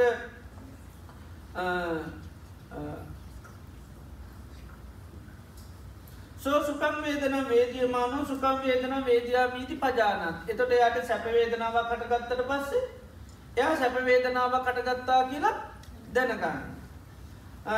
තස්සේ සුකවේදනත් පස්සස්ස විරෝධා ඒ සුකවේදනාව හටගත්තේ ස්පර්ශය නැතිවීමෙන් අර හටගත්ත සුකවේදනාමක දෙන්නේ. ආන නැති වුණා කියලයක් දැනගත්වා. සානිරුද්ධති සාවූප සමති පජානාත. ඒක නැති වුණා කියලා දැනගන්න. එතර විඤ්ඥානය කරන්න පත්ද දැනගන්න. ද ඉතුරු නමගත්ත විඤ්ඥානයන එතර යාදන්ගේ විඤ්ඥානය ඇතර විඤ්ඥානයට පුළොමකක්ද දැනගන්න. මොකද මේ විඤ්ඥාන හැදිරෙන තැන් කියත්ති නොද දහටත්න ද ඉතිනින් ගලෝගන්නත්ත දැන් දහට පොළගේ ගලෝගන්න ඒක ගලෝන කරමේ තමයි දැන් අට්ටාරස මනුව පවිචාර අයම්බික්කු පුරිසෝ මේ මනුසයක් කියන්නේ? පීත හැසිරෙන තැන් දහට එතොටේ දහට පොල කිව්වන් නේද? ඒවගේ මනුසයක් ගැනමකත් ස්පර්ශායතන හය ස්පර්ශායතන හය එතුරන්න දැම් මේ මෙයාට දැන් දැනගන්න ලැබෙනවා මොනවද? හිතට වේදනා හටගන්නකට දැනගන්න ලැබෙන සැප වේදනාකාවත් ඒකත් දැනෙන දුක් වේදනාකාවත් ඒකත් දැනෙන අදුක්කම සුක වේදනාකාව ඒකත් දැනෙන එතර මෙයාට මේ දැන් සුක වේදනාව කටගන්නකට මෙයා සිය පිටෝ බන ඇයි මේ සුක වේදනාව හටගත්තමක කින්දද ස්පර්ශය නිසා. එතර දන්න ස්පර්ශය හට ගැනීම මේ සුක වේදනා හටගන්න. ස්පර්ශය නැතිවුණු මේ සුක වේදනාව නැති වෙලා එනම් මේ සුක වේදනාව ගැනීමකක්ද ආ මම්මාගේ මට අයිතික නෙවේ. ඇයි? හේතුවක් කට ගැනීමෙන් හටගන්නවා. හේතු නැතිවීමේ නැත්වෙලා යනවා. ඒවගේම දුක්වේදනියම් බික්කු පස්ස පටිචු පත ඒවගේම දුක්වේදනාව හටගන්න මොකෙන්ද? ස්පර්ශය ඒකයි. එතොට ඒ දුක්වේදනාව දුක්සාගත ස්පර්ශය කටගත්ත ගමන් දුක්වේදනාව හටගන්න එම ස්පර්ශය නැතිවෙනකොටම නැත්වෙලා ඒවගේම සැපසක මිශ්‍ර වේදනාටගන්න ඒත් හටගන්නකින්ද ස්පර්ශ ස්පර්ශය හට ගැනීමෙන් හටගන්න ස්පර්ශය නැතිවීමෙන් ඒක නැති වෙලා යන සානිරුද්ධ උපදේකක් නැති වෙලා යන කියලා අන්න මොකද ගැනගන්න විඤ්ඥානය දැනගන්න. විඤ්ඥානයට දැනගන්න වේදනත වේදනාව ස්වභාව මොකද දැනගන්න? ප්‍රඥාවෙන් අන අප්‍රමාද වෙන ප්‍රඥාවතින් පමාද වෙන්න ය ඒ නම ප්‍රඥාවෙන් බලනොම වේදනාව තින ස්වභාව වේදනාව ගැන්මකක්ද හේතුවන් නිසා සකස්වන එක. සුක වේදනාවක් පෙන්න්න පුළුවන්. දුක් වේදනා පුුණ පුළමක විඤ්ඥානයට දැනෙන ද විඤ්ඥානයට දැනෙනමකක්ද වේදනාව තමයි දැන මක දරුවන්ගේ තයින් කරගත්ත පට විධාතුන් නයි කරගත්තා. දැන් දැනෙන්නේ වේදන. ආනේ වේදනාව පිළිබඳවත්ය අවබෝධ කරගන්න එතට සුක සාගත ස්පර්ශයෙන් සුක වේදනාට ගන්න ඒ ස්පර්ශ නැතුන මේ වේදනා නැත්විල යන ඒක උපමාකට දෙ පෙන්නවා සේයතාමිකු දින්නම් කට්ටනම් සම්පස්සන සමෝධන උස්මා ජායකි දැන් ඒකාල තිබිල තිර ගිනි ගාන දනු පිලතින ඒ දෙක අතුරලට මොකද වෙන්නේ? ගින්න කටගන්න අතුරලනකට ගන්න තියෙනවා නතරුණුකම ගින්න නැත්වෙන ඒක නිරුද්ධ වෙලාන හටගත් ගන්නමක දෙන්නේ ඇතුල්ලුව කටගන්නවා ඇතිල්ලීව නතරුණුකම නැතින ඒවගේ තම වේදන නියම පුලක් වගේ කන්නේ එක ස්පර්ශයට ගත්තකම වේදන හටගන්න ස්පර්ශ නැතිවෙනකටම නැති වෙලා ඉතින් ඒ විදියට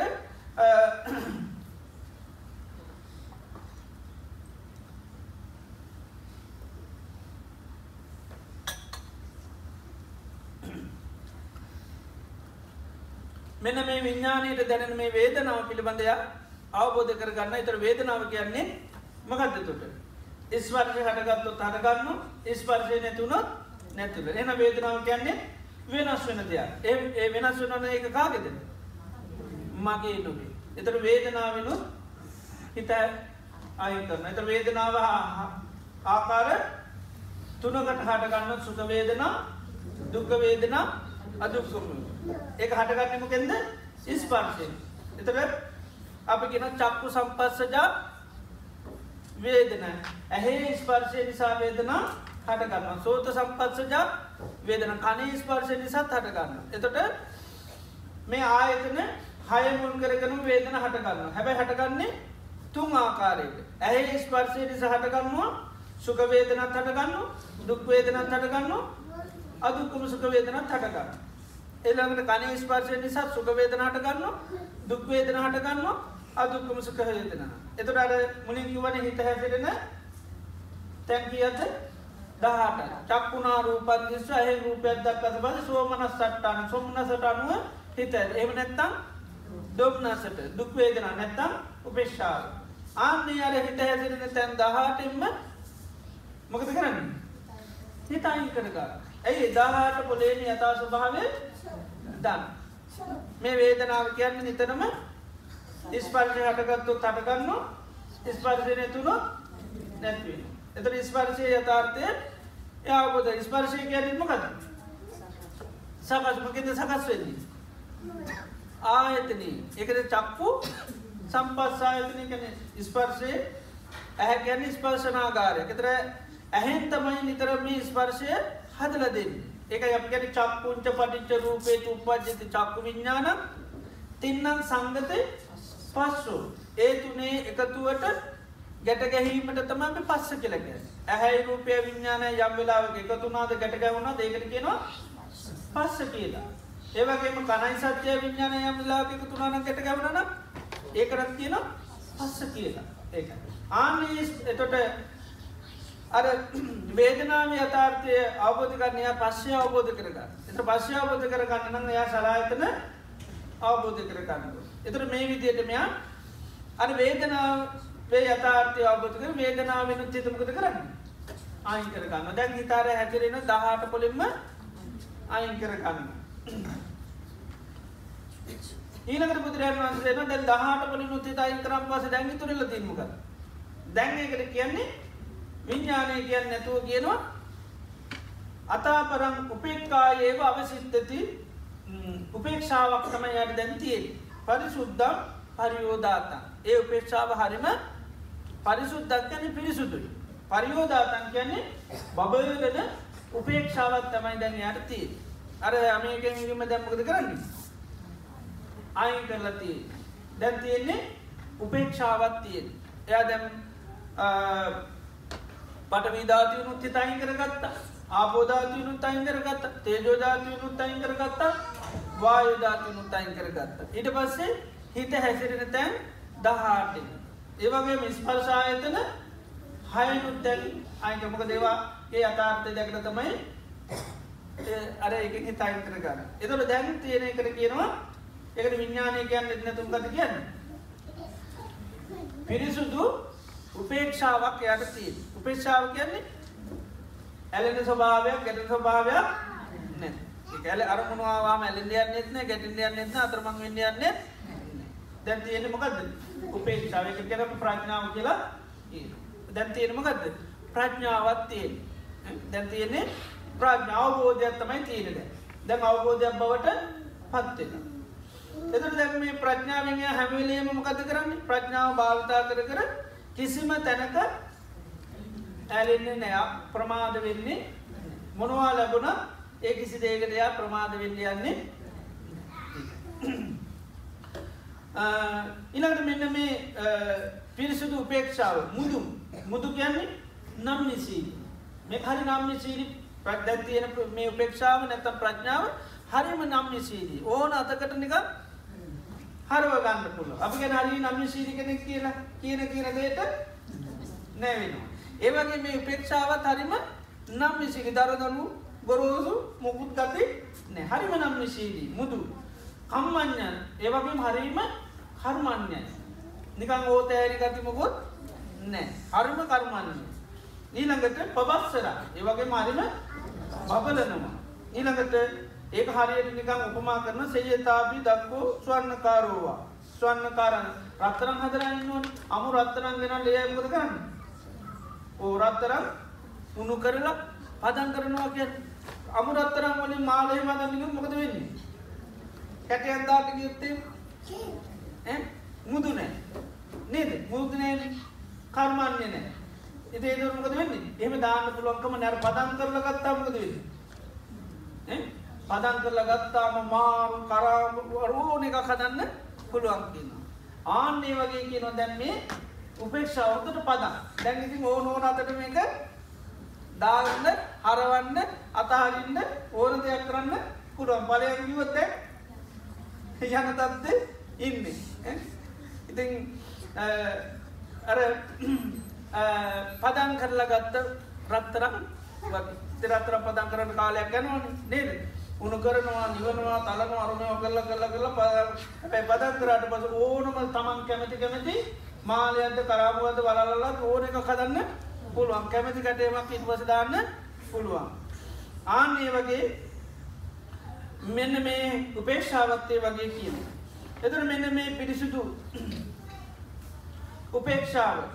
එයා මෙන්න මේ විදියට කල්පසෝ ඒවම් පජාන මේ විදිට අවබෝධ කරගන්න. මෙන්න මේ පිරිසිදු උපේක්ෂාව. ඉමංච මේ අහම් උපෙක්කම් ඒවම් පරිුද්ධ පද මේ පිරිසිදු උපේක්ෂාව ඕන්නම් දාන්න පුළුවන් ආකාසානන් චායතනයට ඔන්න ගිල්ල දාන්න පුළන් කොයටද ආකාසානන් චායතනයට දාන්නත් පුළුවන්. ඔන්නම් මෙන්න මේ උපේක්ෂාවගින් දාන්න පුළන් කොහෙටද විඤ්ඥානංචායතනයට කියල දාන්නත් පුළුවන්. ආචිංචඥායතනයට කියල දාන්නත් පුළුවන්.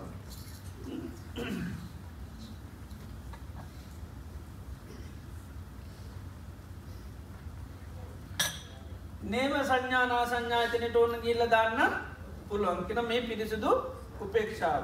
ඉළඟට කෙනවා මේ පිරිසිදු උපේක්ෂාව ආකාසානංචාතන උපසංහරි හරවන්න පුළුවන්. එනක මුදුවනි ඕන්න දැන් හරවගන්න පුළන් ගොයිටද ආකාසානංචාතන. තන් දම්මම් තදනු දම්මන් චිත්තම් භාවීට අනුරූප හිතක් ඕන්නම් වඩන්න පුළුවන්. ආකාසානංචායතන හිතක් ඇති කරගන්න පුළුවන් කියනවා. එහෙම චිතම් භාව ඒවම් මේ අයම උපෙක්කා එතර මේ උපේක්ෂාව තද නිස්සිතා ඒ ඇසුරු කරගන තදුපාදාන ඒක උපාදානකන චිරන් ජීගමත්දානන් තිට්ටේ එතර ඔන්න ආකාසනන්තයකර ඒ ලෝක ඕන තරම් කාලයක් ඉන්න ප්‍රමේ ප්‍රඥාවට පේන එක ප්‍රඥාව තියෙනනම් එක අප්‍රමාධි වෙනවා කියන එක ප්‍රමාද වෙන්නේ නෑද යාට උපේක්ෂාවන්න ඒකද යා බැදෙන්නේ එයදන්න හැබැ මේ උපේක්ෂාව ඔන්න ගිල්ල දාන්න පුළුවන්. ආකාශ ඊට අනුරූප සිතක් වඩන්න පුළුවන් කියන. ඊට අනුරූප හිතක් වල්ල ඒ ලෝක ඔන්නන් කාලයක් ඉන්න පුළුවන්. එහම නැතම් මේක දාන්න පුළන් ගෝගෙට ගොයකද විඤ්ඥානංචායති. ආකින් චඥායට ඉළඟට නේව සංඥනක. මොකද දැන් මේ භාවනාවලට මොකතිකෙන් අරූප ජාන් අරූප කියන්නේ රූපාරමුණු කරන්න නැතුව රූපාරම්මණයක් ගන්න භාවනා කරන්න ගන්නේ මොකක්ද. අරූප අරම් මක දැරූපෙන් අයිකරගෙන් තිී පඩ විධාතුනු තයින් කරගත්තා. ඒනිසා දැම්මයාගේ මේ පේක්ෂාව යට ලේසි ඕන්නත් අර භාවනාවට හිත දියුණු කරන්න පුළුවන්. මොකද කෝමත් දැන්යා රූපේ අයින් මෙලතිය ඉදේ නිසා ඔන්නන් එයාට අර විදියේ ආකාසානන් චායතන විඤ්ඥාන චායතන ආකින්චඥාය නේව සංඥනා සංඥායත මෙන්න මේ අට හිත නම්ම ගන්නපුර මේක මුදුයිනි. නම් විසී කියන දැත්තන හැරෙන හැරෙනවා. එත හරවගන්න ඕන්නම් පුළුවන් කියන කිය නමුත් එයාගේ ප්‍රඥාවට එයට වැටහෙනවා. ඉමංචයං පෙක්කන්ව මේ පිරිසුදු පේක්ෂාව ආකාසානංචායතන හැඩවුත් විඤ්ඥානංචායතන හැරුවත් ආකිච්චඥායතන හැවත් නේව සංඥායතන සංඥාතය හැරවත් ඊට අනුරූප සිතක් පැඩුවත් සංකත මේතන් ඒ ඔක්කුම් මනුවද? ඒ ඔක්කෝම සහස්වී සංකත. සංකත ලක්කන මනවද? උපාද වයදම්මිනු. හටගන්නවා නිරුද්ධයනවා. එත මේ මේවා හදාගත්තත් ඒවත් මනෝද සංකත. ආකාසන්නාංචාතනයට දියුණු කරගත්තත් විඤ්ඥානන්ත මේ ඔක්කුම සකස ප්‍රඥාවන්‍ය දකි එක ප්‍රඥාවතින අප්‍රමාතනෝ කියන්නේ එතර මෙයා ගන මේ මේ තෝන්න වඩට පුළඟම වැඩුවට මොකක්දේ ලබාගන්න මොකක්ද ඒකත් සංස්කාරය ඒකෙත් තියන්නේ හට ගැනීමසා නැතිවීම. එතට ඒක තනිතතාවයාට ඉති මේ විදියට අහිතනවා සංගද ඉමංචේ උපේක්කාව පර පරි සංකතමයට ඉමංචකෝ හම උපේක්කං යම් පරිසුත්තප නේවස මේ විදියට අර ආකාසානංචායතන විඤ්ඥානංචායතන ආකින්චඥා නේව සංඥාසංඥ මේ ඔක්කෝම දකින සංකත දේවල් හැටියට.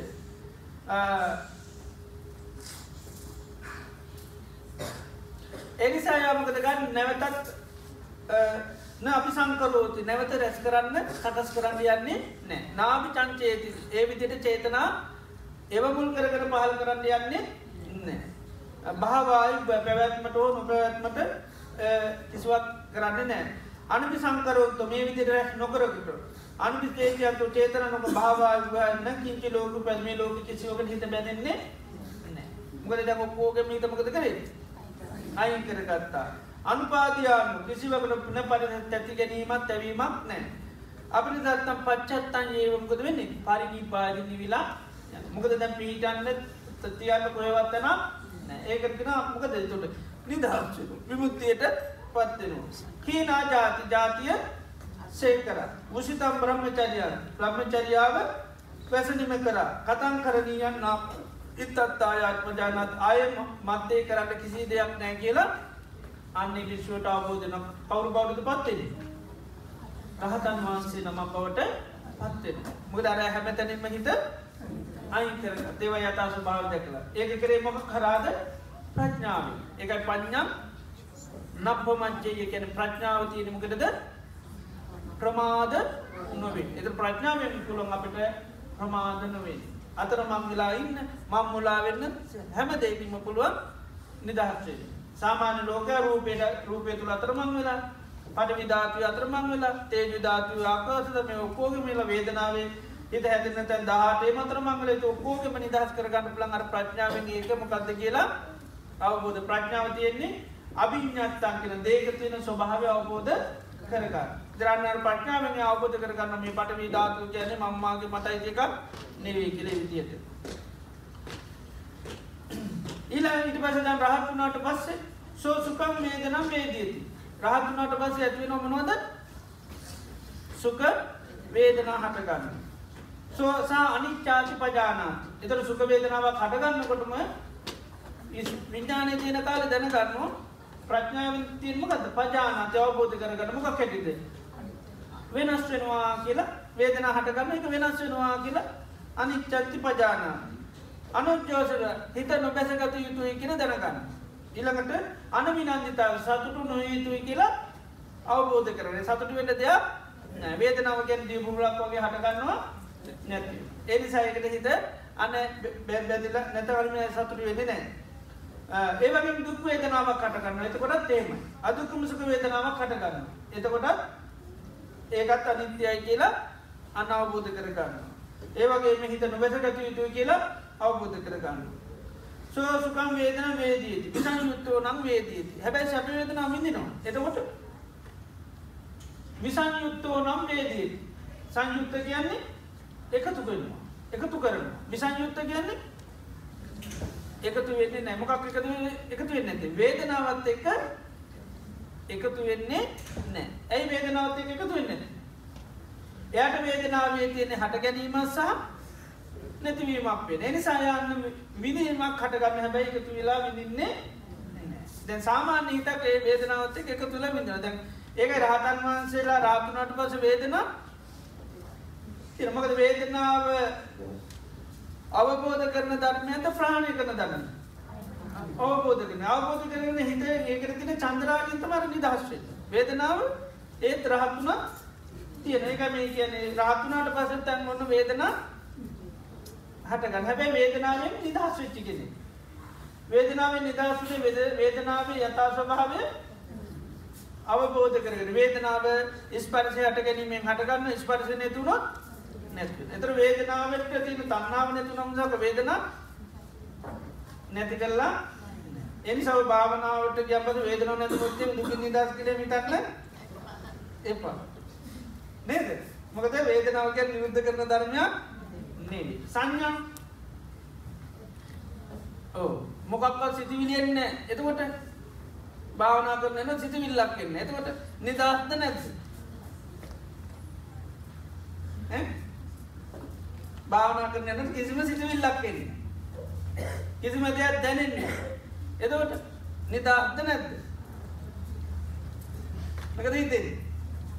භාවනා කරන යන සිතුවිලි නැහැ වේදනා නැහැ හඳුන ගන්න බෑ ප්‍රත්‍යහෙන්නේ නැහැ කිව්ව කොමුකුත්ම නැහැ. එතකොට නිදාස්ද? ඈ? නිදාස් නැහැ. නේද? එහෙම එහෙම නිදාස් වෙන්න භාවනා කරනවා නිද මේ කියන ඉති රහත්තුනාට පත වේදනා හටගන්න විදින්නේ නිරුද්ධ කරන්න. එතර අපි ඒවමනවද වේදනාව කියන්න මොන සත්‍යයට අයිතියකත්ත දුක්ක සත්‍යයටද සමදය සත්‍යය දුකද වේදනා සංඥා සංකාර විඤ්ඥාන ඔය මනු ඔක්කොමනවද ඕ ඇහැ කණනාසේ දිව ශරීරය මනස අධ්‍යතික ආයතන. ඒවත් මනවා ඒවත් දුක සත්‍යයට සමදය සත්‍යයට ඒවත් දුක්ග සත්‍යය. රූප වේදනා සංඥා සංකාර ඒවගම රූප සත්‍ය ගන්ධ රස ස්පර්ශ ඒවත් ඒ ඔක්කෝමකද තරපි කරන්න? පරිින්්ඥය පරිින්්ඥය කියන්නේ ඒකේ තියෙන ස්වභාවය අවබෝධ කරගන්න. ඒවයි එකක්පන් නැති කරන්න නිරුද්ධ කරන්න යන්නේ ඒනිසා රහත්තුනත් වේදනාව වේදනාවට නොවැලේ ඉන්න පුළුවන්. වේදනාවට නොගැටේ වේදනාවට සතුරු නොවීන්න පුළන් ඒ අනමි නන්දති කියල එක සතුරු වෙන්නේ සුක වේදනාවකාවක්ගේ ලප්පාදනම් හරිශෝක අප සතුූටින් හිටිය. එම සතුරකුත් නෑ අද දුක්වේදනාවක් කියලා මෝ මේ කයනම් එපා වුණාද? පුදුම දුන්ටිකත් දුන්නේ. ඒම පසනිකොත් නෑ අද නඟති ඔය හිටිය. මොකක්කොත් ලොකු සතුරකුත් නෑ නේද? ඒකට සතුරකුත් නෑ නේද? ඔය ඉතරත් සමරුගෙන ඔය හිටිය අරිශෝක කතරම් වැඩි සතුරුකුත් නෑ දුකුත් නෑ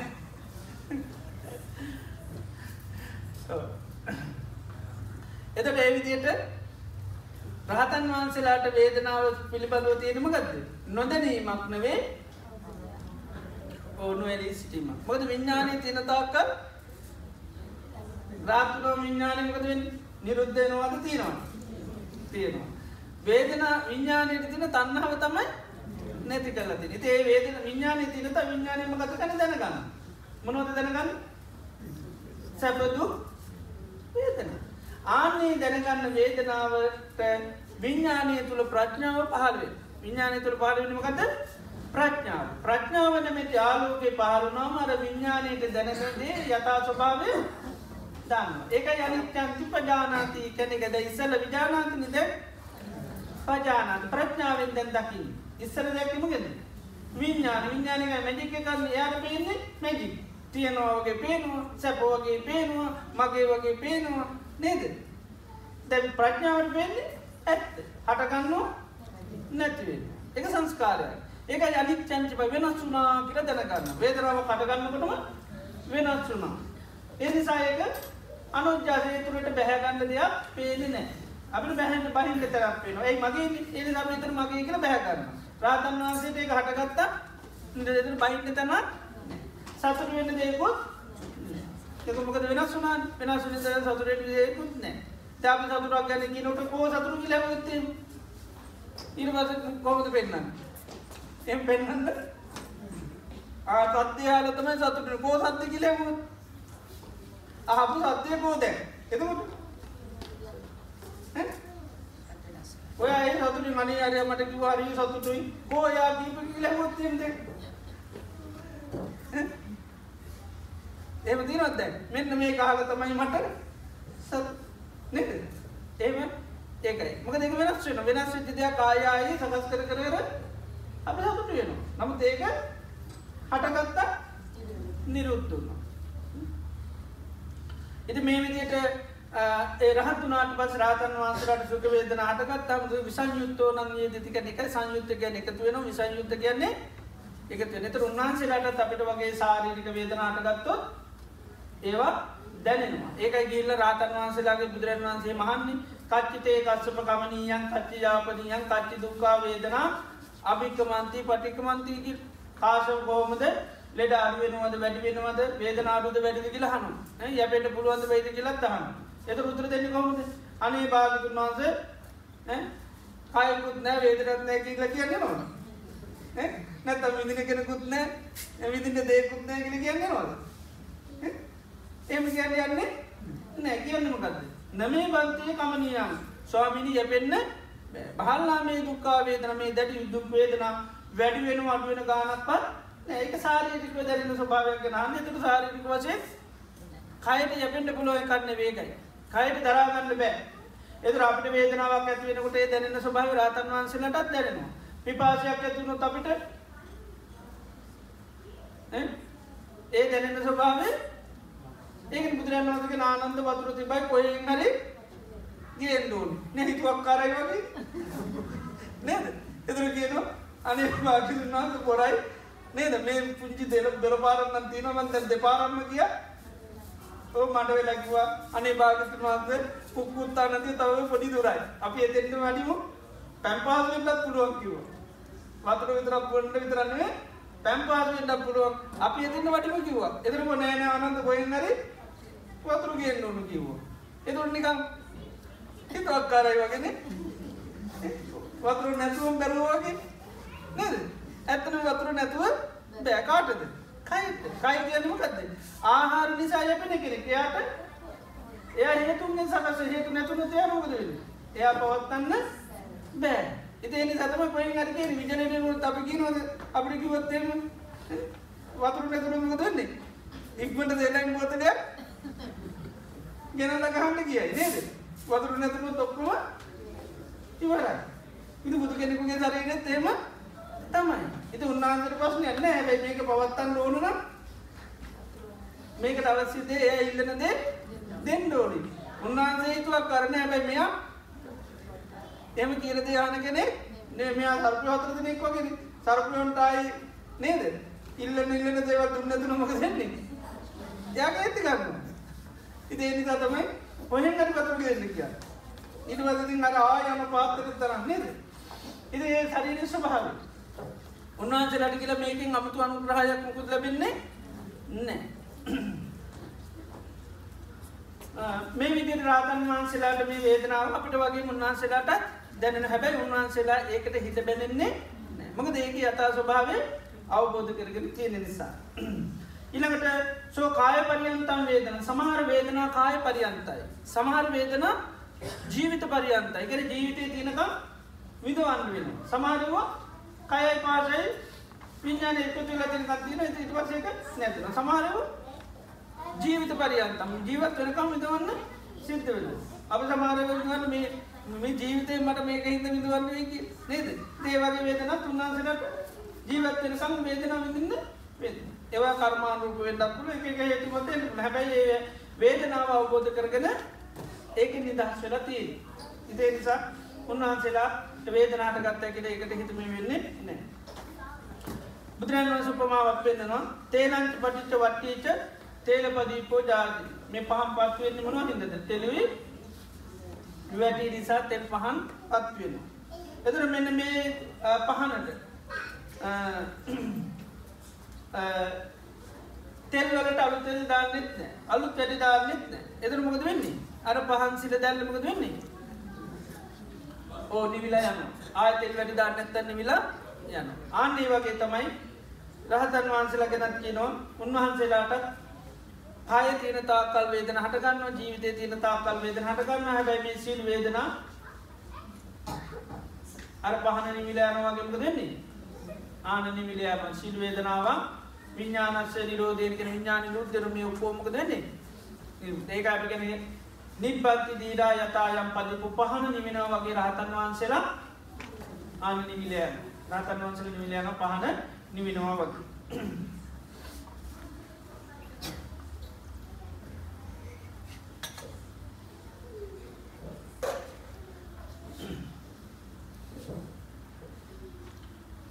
තස්මා ඒවන් සමන්නාගත ඉමිනා පරමේන පඥ්ඥාධිෂ්ඨානීන සමන්නාගත. මෙන්න මේ ස්වභාවයට පත්වන කෙනාට කෙනවා ප්‍රඥාධිෂ්ඨානය යුත්ත මනුෂයක් ගැන අධිෂ්ඨාන හතරයි. එක අධිෂ්ඨානයමගත පඥාධිෂ්ඨානක නතර මේ විදිට පත්තච්චි කෙනාට කෙනවා ප්‍රඥාධිෂ්ඨානය එකන ප්‍රඥාවක් බවට පත්වෙලා කියෙන රහත් වුණා එක එතු රාතන් වහන්සේට අපි මනුෂය කියලා පුරුෂය කියලා කියන්න අරව නද?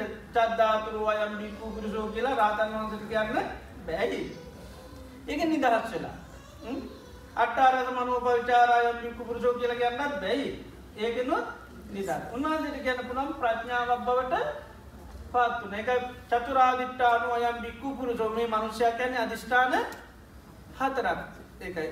එතුර ප්‍රඥාවක් බවට පත්වන රාතන් රහත්වනවා ගැනමකද ප්‍රඥාව බවට පත්වෙනවා ඔක්කෝම ප්‍රඥාවෙන්තම ඊට පස්සේ හැම දෙයම් දකින්න ඔක්කොම්මගෙන්ද එලී ඒක. අපි නිතරම කරුවල ඉදරතම ඔක්කෝම දකින්න කතා කරන්න කිය ඔක්කොම ්‍යානතින කරුවලි රාතන් වහන්සේ හැමිලේම හැමමතම අල්ල ඒට කදදාලා යාලෝක තුළ ඉදකරත ඔක්කෝම කරන අප එලිය ඉදල කරුරු කිසිවක් හැපෙන්නේ ඕ හරි තැනට යනවා නේද? ඕරදන අපි දැනගන්න ටොයිලෙට් හරිට හොයාගන්න කරුවලේ ගිය කුස්සියටන්න පුළුවන්. ටොයිලෙට් කියලා. ඇයි ඔක්කො මත පත ගන්න? නේද? හරිට දැනකර යනවා. ආලෝකය තිනකට හරි තැමට හරිට යනද රාතන් වහන්සේ තේම හැම දෙයක්ම ආලෝකය තුළින් තම ඒකයි උන්හන්සේ ආලෝකයක් බවට පත්න ප්‍රඥාවක් බවට පත්වෙනවා ඒකයි මේ මනුෂය කන්නේ අධිෂ්ඨාන හතරක් බට පඥ්ඥාධිට්ඨාන ඉළඟටිකමගත සච්චාධිට්ඨාන ඉළඟට උප සමාධිට්ඨාන චාගාධිෂ්ඨාන එතට ප්‍රඥා ඉපසක ප ප්‍රඥාව තියන්නේ අප්‍රමාධන ප්‍රඥාවෙන් දැන් අප්‍රමාදී වෙන ප්‍රඥාවක් බවට පත්වනා. ඉළඟට බුදුරන් වහන්සේ දේශනා කරනු තත්සසා විමුත්ති සත්‍යය චිතා දැන් උන්වහන්සේගේ මේ ඇති කරගත්ත චිත්ත මුත්තිමගෙන පිල්ලතිී. සච්චේ චිතා ගැන සත්‍යයේ පිහිල්ලතිී. අකුප්පා ඒ චිත්ත විමුත්තිය කවදාකොත් අය වෙනස් වෙන්නේ නෑකි. අකුප්පාමී චේතු මුති ගැනක මගේ මේ චිත්ත විමුත්තිය කාටවත් කිසිම දේකට කෝප්ය කරන්න කම්පා කරන්න සොලවන්න බෑ. එකගෙන අකුප්පාක කෝප කරන්න කම්පනය කරන්න සල සොලවන්න පුූත් කරන්න බෑ. අකුප්පා. තන්හි බික්කු මුසායම් මෝස දම්ම මේ ලෝකයේ වෙනස්වෙන දේවල් තිය මේ ලෝක තියෙනමනවද වෙනස් වෙන දේවලට මෝස දම්ම කියලා කියන මේ ලෝකක්කෝමනවද වෙනස් වෙන දේවල්. තන් සච්ච යම් අමෝස දම්මන් නිබ්බාන නිවන කියන්නමගත්ත ලෝක තියෙන වෙනස් වෙන දේවල් නිවන කියන්නේ වෙනස් වෙන එකට ගැන අසංකත ධාතු කියල. සකස් වෙච්චින් නැති සබ එනිසා වෙනස් වෙන විදිහ සකස් වන හැම දෙයක්මකත් වෙනස් වෙන උපාද වය දම්මිනු එත රහත් වුණාම රාතන් වහන්සේගේ චිත්ත මුත්තිය අපිට නිවන් දැක්ක කියලන. එතට ඒ චිත්ත මුත්තිය කවදාකොත්තයි වෙනස් වෙන්නේ ඒක ඒක තස්ම ඒවන් සමන්නාග හිමිනා පරමේන සච්චාධිට්ඨානයන මෙන්න මේ අරිහත්වයට පත් වනාම උන්වහන්සේ පරම සත්‍ය භාවයට පත්වෙන නැතන් සත්‍යයක් බවට පත්වෙන ඒ කවදාපත් අය වෙනස් වෙන්නේ නෑ සච්චගෙන තෝරන්න තතා අවිතතානතා තතා කියන්නේ එසේමයි. අවිතතා කියන්නේ වෙනස් වෙන්න. අනන්‍යතා ගැන වෙනස් කරන්න බෑ. පරමීන සච්චාධිතය ඒතන් බික්කු පරමං අරිය සච්චන් යමිදං අමෝස දම්මන් නිබ්බාන. මේ ලෝකයේ පරම සත්‍යමකක්ද වෙනස් නොවන නිර්වාණය තමයි මේ ලෝකයේ පරම සත්‍යය කියන්න. පරම සත්‍යය තමයි අමෝස දම්ම නිපාන මෝස දම්ම කියන්නේ වෙනස් වෙනවට අමෝස දම්මන් කියන්නේ? වෙන නිවන වෙනස් වෙන්නේ ඇයි? අසංකතයි. ඒක අසංකතගෙන සකස්්චි ස්වභාවයක් නේ නිරෝධය නිරුදුනාට පස වෙන්න දෙයක් තිනවා නිරුදුනාට පස වෙන්න දෙයක් නෑ එත නිබ්බානි කියන්නම ගත්ද නිරෝධය. මගේ නිරෝධයද? තන්නාවේ නිරෝධී තන්නාව තියෙන කන්තමයි ඔක්කෝටම තෙල් තියනකට පාම් පත් වෙනවා වගේ තන්නාව තියෙන කමක දෙන්නේ ඉදි ඔක්කෝම ආන සකස්වෙන එතට ඔක්කොම සකසෙන තන්න තන්නා නැතින සකස්වීමක දෙන්නේ නැතිවලන රාත්තුනාට ඒක වේදන හටගන්න වුණට මුකු සකස් වෙන්නේ නෑ ආයතන තිබුණට සකස් වෙන ආයතන ඔක්කොමක දෙන්නේ වහලති නිද ස්පාර්ශ නිස්පාදනාකාර වෙන්නේ එතර පස්සේ පම නැතිවුණම් වේදනා සංඥාව ඔමුකුත් සකස් වෙන්නේ නෑ. කාමය අරුමුකුත් සකස් වෙන්නේ රාතන්නසනටයි නිරුද්ධ කරලා තින ආයතන වහල තියෙන්. එක ආතය ඇතින තින තන්නාව නැතුන ආයතන වහම ඉති විදියට එනිසා මේ ලෝකෙ පරම සත්‍යය තමයි තුරම ගත්ද නිර්වාණයකි එතොට ඒක කාටුවත් කිසිම දෙයකින් වෙනස් වෙන දෙයක් නෙවේකි තස්සේව පුබ්බිය අවිදස්සනු ඒවගේම යා යථාර්ථය සත්‍යය නොදන්න අර ප්‍රඥාව නැතිකාලයේ හිටියම බෙද අවිද්‍යාව අවිදස්සනු ගැන අඳුර හිටිය කෙනෙ උපදී හෝති සමත්තා සමාධන. මේ කරුවලේ නොට එයා නිතරම සමාදම් වෙලා තියනවා. අපි සමාදම් ඒවගේ එයා සමාදම් වෙලා ඉන්න මොනවද? සිල් සමාදම් වෙලා වගේ උපදි සමාදම් වෙලා ඉන්න මොන උපති කිය උපාතිය උපති ගැන කෙලෙස්සා කෙලෙස් ඇති කරන දේවල් උපදී සමත්තා සමාධින්න. තාස පහින උච්චම උච්චින්න මූලා තාලවත්තුක. දැ මේ රහත්තුනාට පස්ස අර සමාදන් වෙලා තිබුණු උපතිමකද වෙන්නේ? අපි සමාදන්නගෙන අපට අරගන්න ඕන සිංගන්වාගෙන කියන්න. ඒවගේ උපති අරගෙන ජීවත් වුණා. නොදන්නා කාල. අර ප්‍රඥාව නැති කාල. අතුර ඉන්න කාලේ ජීවිතයේ සැපේ ලබන්න සතුර ලබන්ට කියල මොනොද ගත්තේ? රාග දේශ මෝහ මාන්‍ය ඉලිසියාහංකාරකම් කපටිකම් ඔක්කෝ භාවිතා කරේ මොකටද? දුක්විඳින්නද ඔය එකක්වත් ගන්න දුක්විඳින්නද නැමකොටද ජීවිතයට සතුට සොන්නස සැපේ ලබාගන්න තමයි ඔක්කෝම භාවිතා කර. ආන්නේ සමාදම් වෙච්චි නැතන් ගත්තය කෙලෙ සොක්කෝම උච්චින්න මූලාකැන මුලින්ම උපුටලා දැම්මා. තාලවත්තු කතල්ගහක කරටිය ගැඩ වගේ කෙලෙත් මුලින්ම කබලදාන්න අනභාවකත් අභාවයට පත් කරලා ආයතින් අනුපාදද මාය චිත සන්තානී කිසිම රාගයක් දේශ මෝයම්මාන්‍ය සකස්වෙන්නේම නෑ. තස්ම එවන් සමන්නාගතෝ ඉමිනා පරමේනි චාගාදිට්ටානීන සමන්නාගතා. ආන්නේ විශ්ව පරම චාගගෙන දීප අතහැරපු කෙරින් බවට පත්වෙලා මොනො දැතැල්ලති.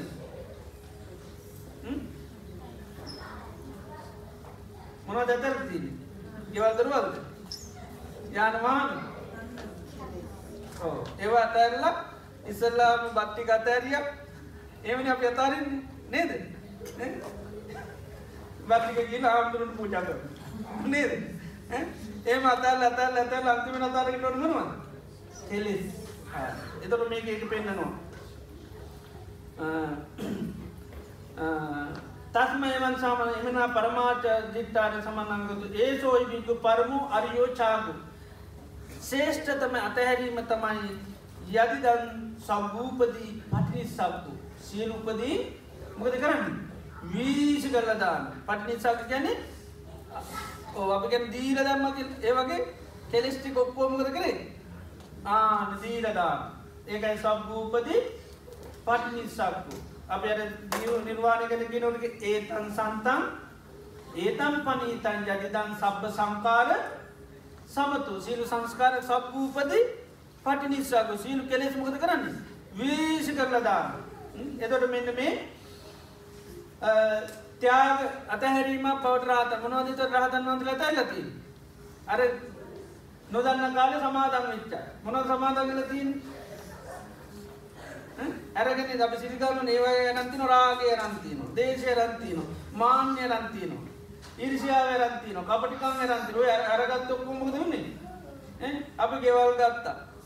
සල්ලි හම්බ කර. අන්තිමට ඔක්කොමුටිකමකද කරන්න? අර නේද? ඩොල එක එකතු කල එකතු අන්තිමෙනමද ගන්න දීල දාන නේද? එකවුන්ටකම අත ඇල්ලදා ආන්නේ වගේ රාතන් වන්තල ඇතුල තියෙන පාවිච්චයට ගන්න තියාගත්තේම ආරක්ෂාවට රැකවරණයට භාවිතා කරපු සියලු කෙලෙස් මොකද කරන්න? ආන් අයින් කළා දාන්න. එදිරින් මේ ලෝකේ ලොකුම අතහැරීම තමයි මොනවද?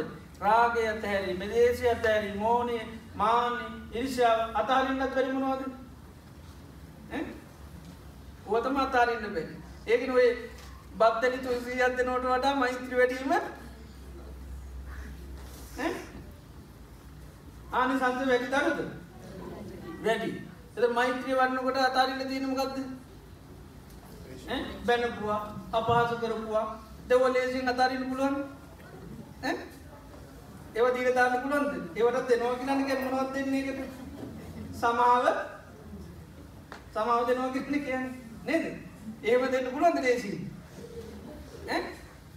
අර බැනපුවා ටික දීල දාන්න කිවොත්තේ මෙයාටම එයා අතල්ලති නබිමකද කරලතිී අපිව සමාදංගල ඉන්නේ නේද? අපි බැටික පෝමිතේ තියාගන්න නේද? මොකද අපිට ඉතේ තියෙන වෛරේ වෛරේ තියාගන්න අර බැනපු ටික ඇත හැරියෙත් මොකද වෙන්නේ? බැනපු ටික අත දීලා දාන්න. එතකොට වෛර කරන්න ඕනි. එතකොට කරන්න පුළුවන් ඈ? වෛර කරන්න කේන්ති ඕනි. දැන් කේන්ති ගන්න මොකද්ද ඕනි? කේන්තිය ගන්න මොනවද ඕනි? පටිඝ නිමිති ඕනි. ඒව දැන් නෑ දීලා. එතකොට ඒවට සමාව තියෙන දැන් මතක් කරනවා කරනවා. හරියත් එක කේන්ති ගන්න ඕනේ. එතකොට ඉතින් බලන්න යාමට බැන්න. ඒකටත් සමාව දුන්නා. මගේ තියක් කැඩුවා ඒකටත් සමාව දුන්නා. මට අපහසුයක් කරා. ඒකටත් සමාව දුන්නා. දැන් ඊට පස්සේ දැන් කේන්ති ගන්න මොකක් එක්කද? ඈ? තරහා ගන්න නිමිත්තක් නැහැ. ඒතර අනිමිත්ත වෙනවා. රාතන් වහන්සේලාට නිමිති නෑ නේද? ඔක්කොම මොකද කරලා තියෙන්නේ? අතහැරලා දාස අතහැරියාමන්න අර කිසිම කෙලේශයක් පවත්වන්න. ඒ නිසා මේ රාතන් වහන්සේලා කියන එකයි සිර්ග අතහැරලා තියෙන එකයි. ත්‍යාගා දිෂ්ඨාන කියන එකයි ත්‍යාගයක් බවට රහතන් වහන්සේලා. එතකොට සත් සත්‍යය තියෙන මේ දීලා දාන්න කියන්නේ ත්‍යාගයේ තියෙන මොකටද? දීලා දාන්න කිව්වනේ නේද? අනත රාතන් වන්සර මොකදන සියලු කෙලෙස් අතහැරල දාලති නයි කිසිම කෙලෙස් ගතිය නෑකිව. ඒවම තසේ පුප්පි අවිදස්සුන අර නොදන්න කර කලුවර ඉන්න කාලි ප්‍රඥාව නැති කාලි දැ ප්‍රඥාව කවුද වෙලා තියෙන අප්‍රමාදී වෙලා. දැන් ප්‍රඥාවෙන් අප්‍රමාදුනාට පසර නොදන්න කාලේ ආගාතෝ ව්‍යාපාදෝ සම්පදෝසෝ ස්වාස පයිනෝද හිතේ තියෙන ආගහති. ආගාතිගෙන් ඉතින් දෙස්තියන ගතියෙන් ඉළඟට ගැටෙන ස්වභාව ඉළඟට දෙත් දොයිල් තියන්නේ ඉළඟට හිතේ තියන දෝෂ භාවි මේවත් ඔක්කෝම් පහින වෙලා තල් ගහක කට්ටිය වගේ නැතිවෙලා තියෙන්. ඒ වගේම ඒ නොදන්න කාලේ හිතේ තිබනන යම් මෝහයම් මුලාවක් ඒකත් මොකද වෙන්නේ ඒවත් ඔක්කෝම ප්‍රහින වෙලා තියෙන.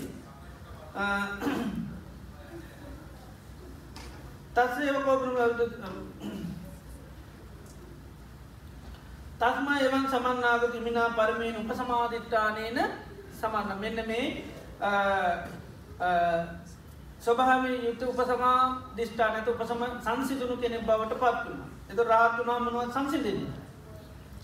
රාගදේශ මෝහ කියනවා. එතර කියනවා පරමෝ අරියෝ උපසම මේ ලෝක ලොකුම සංසිදීම තමයි රාගය සංසිදුවා ගැනීම. දේශය සංසිදුවා ගැනීම මෝහය ගන්ධ එත රාත්තු නාම රාග දේශමෝකුම සංසිදත සංසිතිච්චි පුද්ජලය බවට පත්වෙන එක මනුෂ්‍යයා කියෙන් කවුදතු සංසිිච්චි කෙනෙක්. ඒ මනුෂ්‍යයන් ගුලන් කාටද? රාතන් වහන්සේලා. උන්හන්සලා ආයතනායක් ඇට කියන්න බෑ. ඉළඟට දෙන පඥ්ඥන් අප මජ්‍යය ප්‍රඥාව තියෙන්නේ මොකටද? අප්‍රමාද සච්ච මනුරක්කේ සත්‍යය මොකක් දැහැවලීම ආරශා මොකද අපි ආරක්ෂා කරන්න ඕනේ? සත්‍යය චතුරාර්ය සත්‍යය ඒකෙන් මන සත්‍යත වැඩියෙන් ආරක්ෂා කරගන්නවා. නිරෝධ සත්‍යය දැමතකත්ම ගත්තාමට ආරක්ෂා නොවෙලා තියන්න අපේ මන සත්තිය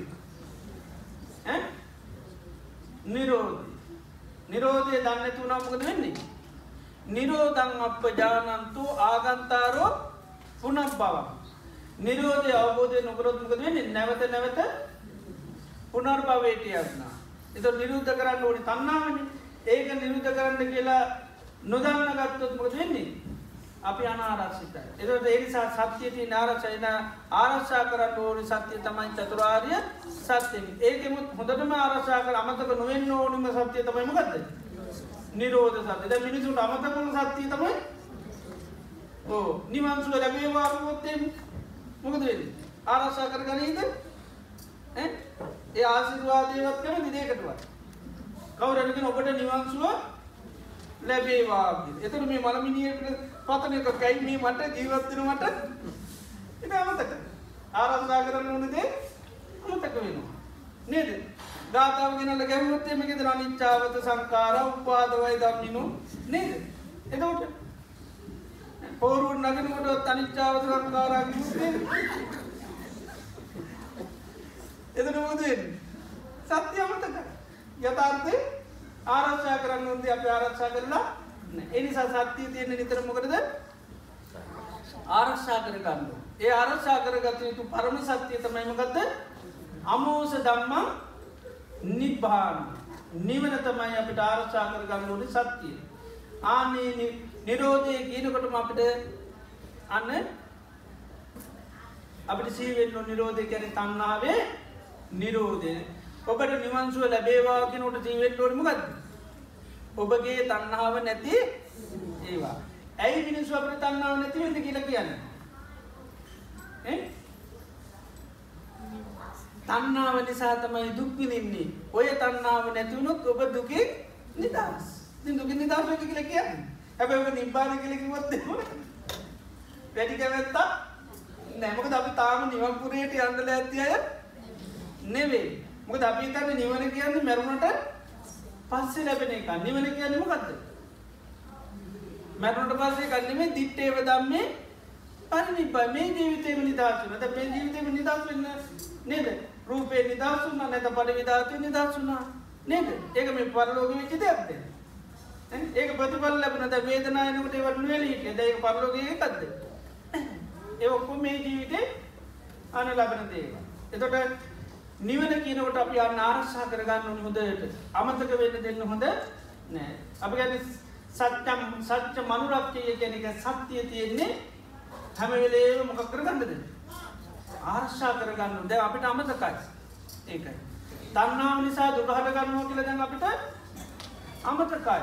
අපිට මතක් වෙන මොකක්ද ගහයුන්න සාතමයි මං දුක්විනි ගාය නැතිවුණොත්තමයි මන්දුකේ නිදාත්වෙන එම නැතම් පෙරකර්ම නිසාතම මන්දුක් විදින පෙරකර්ම නැතිවුණු මන්දුකේ නිදහස් වෙනවා. අර්ම තියනකම් මට මිඳවන්න වෙනවා. ඉති කර්ම නිරුද්ධ කරන්න පුළුවන්ද?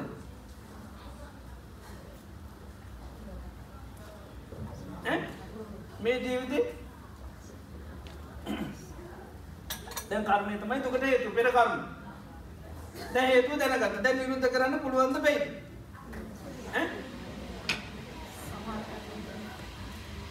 ඉස්සල නිරුද්ධ කරගන්න කර්ම හොයාගන්න දැන් මොනවද කරපු කර්ම? අර නිකන් තය ළඟට කියන එකට දුක් විඳින මොකක් ඉඳද කර්මයෙන්ද. පුරාණ කර්ම. යම් කිංචායම් පුරුෂ සුඛං වා දුක්ඛං වා පටිසංවේ සබ්බත්තම් උපකදේ පෙර කර්ම නිසා. ඒ නිසා පුරාණ කර්ම තපස් කළා තවන අලුතෙන් කර්ම කරන්න කම්මක්කය වේදනක්කය දුක්ඛක්කය කියලා කියනවා. ඉතින් බුදුරජාණන් අහනවා හරි දුක් විඳින මොකකින්දද? කර්ම නිසා. මොනවද කරපු කර්ම? එතන කියන දන්නේ නැහැ. ඈ කරපු දේ දන්නේ නැහැ කියන. ඊළඟ හරි. දැන් තපස්කම් කරන්න කොච්චර කර්ම ගෙවුනද? ඒකත් දන්නේ නෑ තව වච්චර තිනවද ඒක දන්නේ නෑ ඊට පස්සේ ඔක්කොම දන්නේ නෑ ඊට පස්සේ බුදුරජාණන් වහන්සේ ඇව ඒක නිකන් හරියට කොල්ලෙකුට ඕන වෙනවා ජනපද කල්යාණ පදින්න අපි රූප සුන්දරි අලුතෙන් පත් වෙන රූප සුන්දරියක්. එයා අහන රූප සුන්දරි ගැන. ඊට පස්සේ ඉතින් එයා හැමෝටම කියන මම බඳින්නේ කවදා හරි රූප සුන්දරි. ඒතරම් ඒ රට එයා කොහෙන් කොයි රටේ කෙනෙක්ද? දන්නේ එයාගේ නම මොකද්ද? දන්නේ එයා දුදුද කළුද? දන්නේ ඒ වුණා බඳින්නේ කවුද? රූප සුන්දරි බඳින්නේ නැහැ එයා කවුද කියනවත් දන්නේ නෑආන්නේ වගේ කෝ කට්ටියගෙත් මේ කරන වැඩෙත් ඒ වගේ කිව්ව. මොකද කර්ම නිසා දුක් විඳිනවා කියලා කිව්වට කරපු කර්මයක් දන්නෙත් නෑ. ඒද පේන්නේ නෑනේ. පෙර ජීවිතේ මොනවා කරාද කියලා දන්නෙත් නෑ. ඒක බැලුවකින් ඊට ඉස්සෙල්ලා ජීවිතේ කරපු හොයන්න කිව්වොත් ඊට පස්සේ මොකද වෙන්නේ? මේක අනවදාන සංසාරයක් වෙනවා කර්ම හොයන්න. කරපු අය අයින් කරගන්න ඉපේ එකක් ගන්න. නේද? එහෙනම් ඒකයි බුදුරජාන් වහන්සේ කර්මයට දුක් විඳිනකොට කර්මයට ඇඟිලි දික් කරන්න නම් කියලා දික් කරන්න ඕනේ. දන්නවද? දැන් මිනිසුන්ට මතකද ආරක්ෂා කරන්න ඕනේ දේ මිනිසුන්ට මොකද වෙන්නේ? අමතක වෙලා. ඉතින් මිනිස්සු ඒ නිසා මොකද වෙන්නේ? අනාරක්ෂිතයි. ආරක්ෂා කර යුතු දේ ආරක්ෂා කරගෙන ආරක්ෂා කර ගන්න ඕනේ සත්‍යය. ඒ තමයි චතුරාර්ය සත්‍යය. දුක කියනකොට සංස්කාරය. දැන් මිනිසුන්ට දුක මමද? මගේද? සංස්කාරයද? මම මගේ කියනම නම සංස්කාරයක් ඇටිට සී වෙන්නේ නෑ. ඒක මේ සත්‍යය තියෙන ආරක්ෂා කරගන්න. එහෙනම් අපි නිතරම ආරක්ෂා කරගන්න ඕනේ චතුරාර්ය සත්‍ය. ඒකෙම පරම සත්‍යය තමයි මොකද්ද?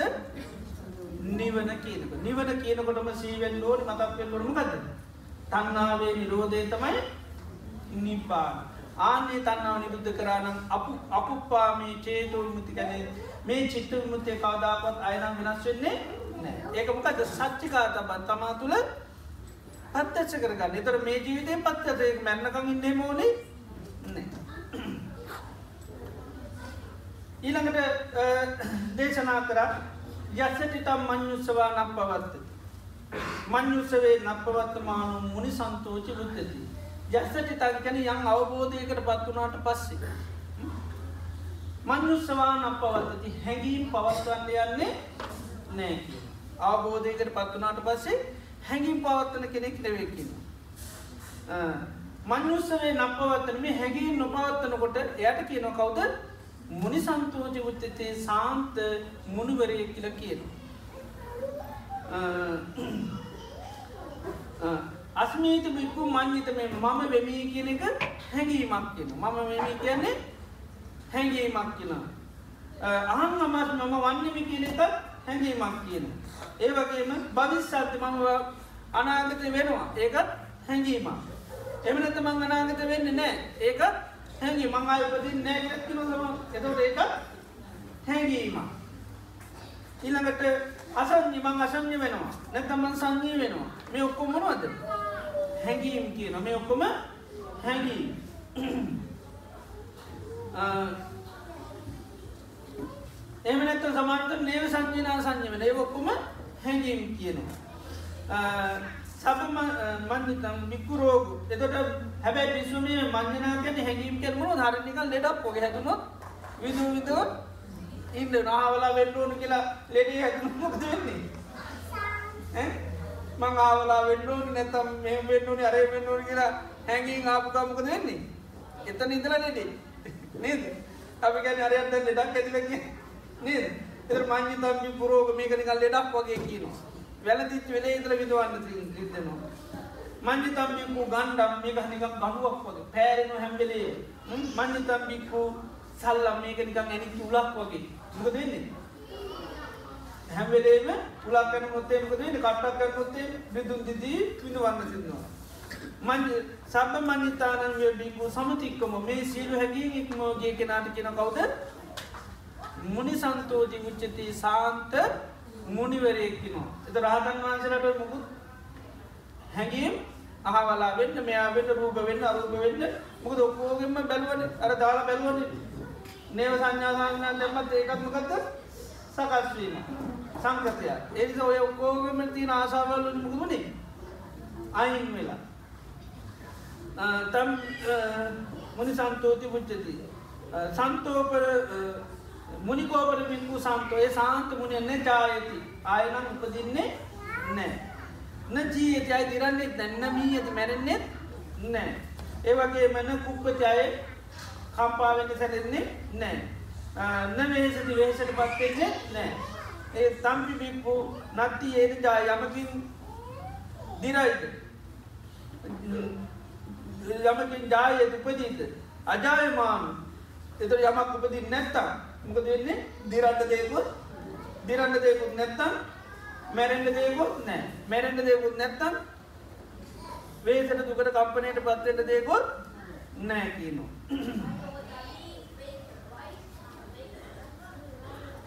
යසටිතම් මංයුත්වානම් පදයම් අවබෝධකට පත්නම් පදනේ හැඟීම් කියන දේවල් ඔක්කොමකද වෙන්නේ?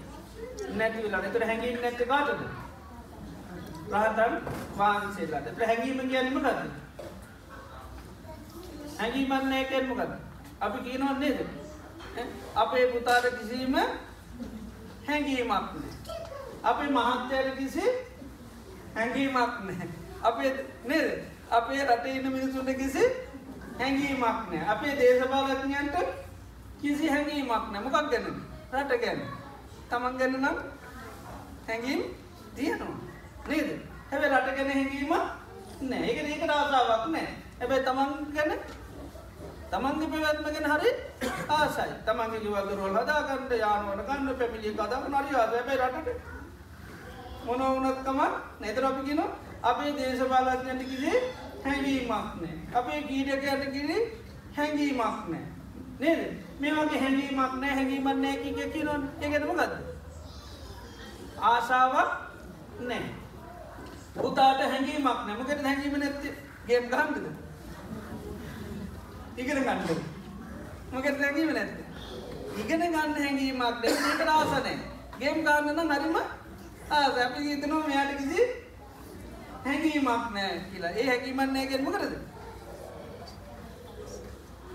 ඕ. ඉගෙන ගණ්ඩ ආශාවක් නේද? ඒ වගේ එකේවට අපි කියනවා. මාත්‍යයට කිසි හැඟීමක් නෑ දියුණුවෙන්. නවනට කිසි හැඟීමක් නෑ බණ භාවනා කරන්න. නේද? ඉතේ ඒවගේ අපි කියන්නේ මයි නේ දැකීමත් හැඟීමක් නෑ ගැන ආසාාවක් නෑ සමල්ලාට ඔය තුවරේ මනවට කියෙන හමලක්ගෙන අප මිනිියගෙන මිනිිය කිසි හැඟීමක් නමද මිනිිය කිසි බොන්්ඩරේ එනි හැකීමන්න ඇරකිව තපිත් තවුල් නේද? ඒක. එත හැකීමන්න නෑ කියන්න අපි එකේවට මිනිසුන්ට හැකීම නෑ කිය කිය කෙනකෙන ආසාවල් ආසාවල් නැතු නම් අපි කෙනෙකට හැඟීමක් නෑ. කැමැත්ත ඥානය වගේ රහතන් වහන්සේලාට ඒකයි කිසිම හැඟීමක් නෑ. මොනවා පිළිබඳව? ධාතු පිළිබඳ පටවී ධාතු පිළිබඳ කිසි හැඟීම නමක පස්්ටිකන් ඕකට කිසි හැඟීම නැවකට මොනෝවනත්කම නෑ. මේක කවුරට බැන්නොත් තපාද කර මෝඩය හරක පුරුවකිවොත්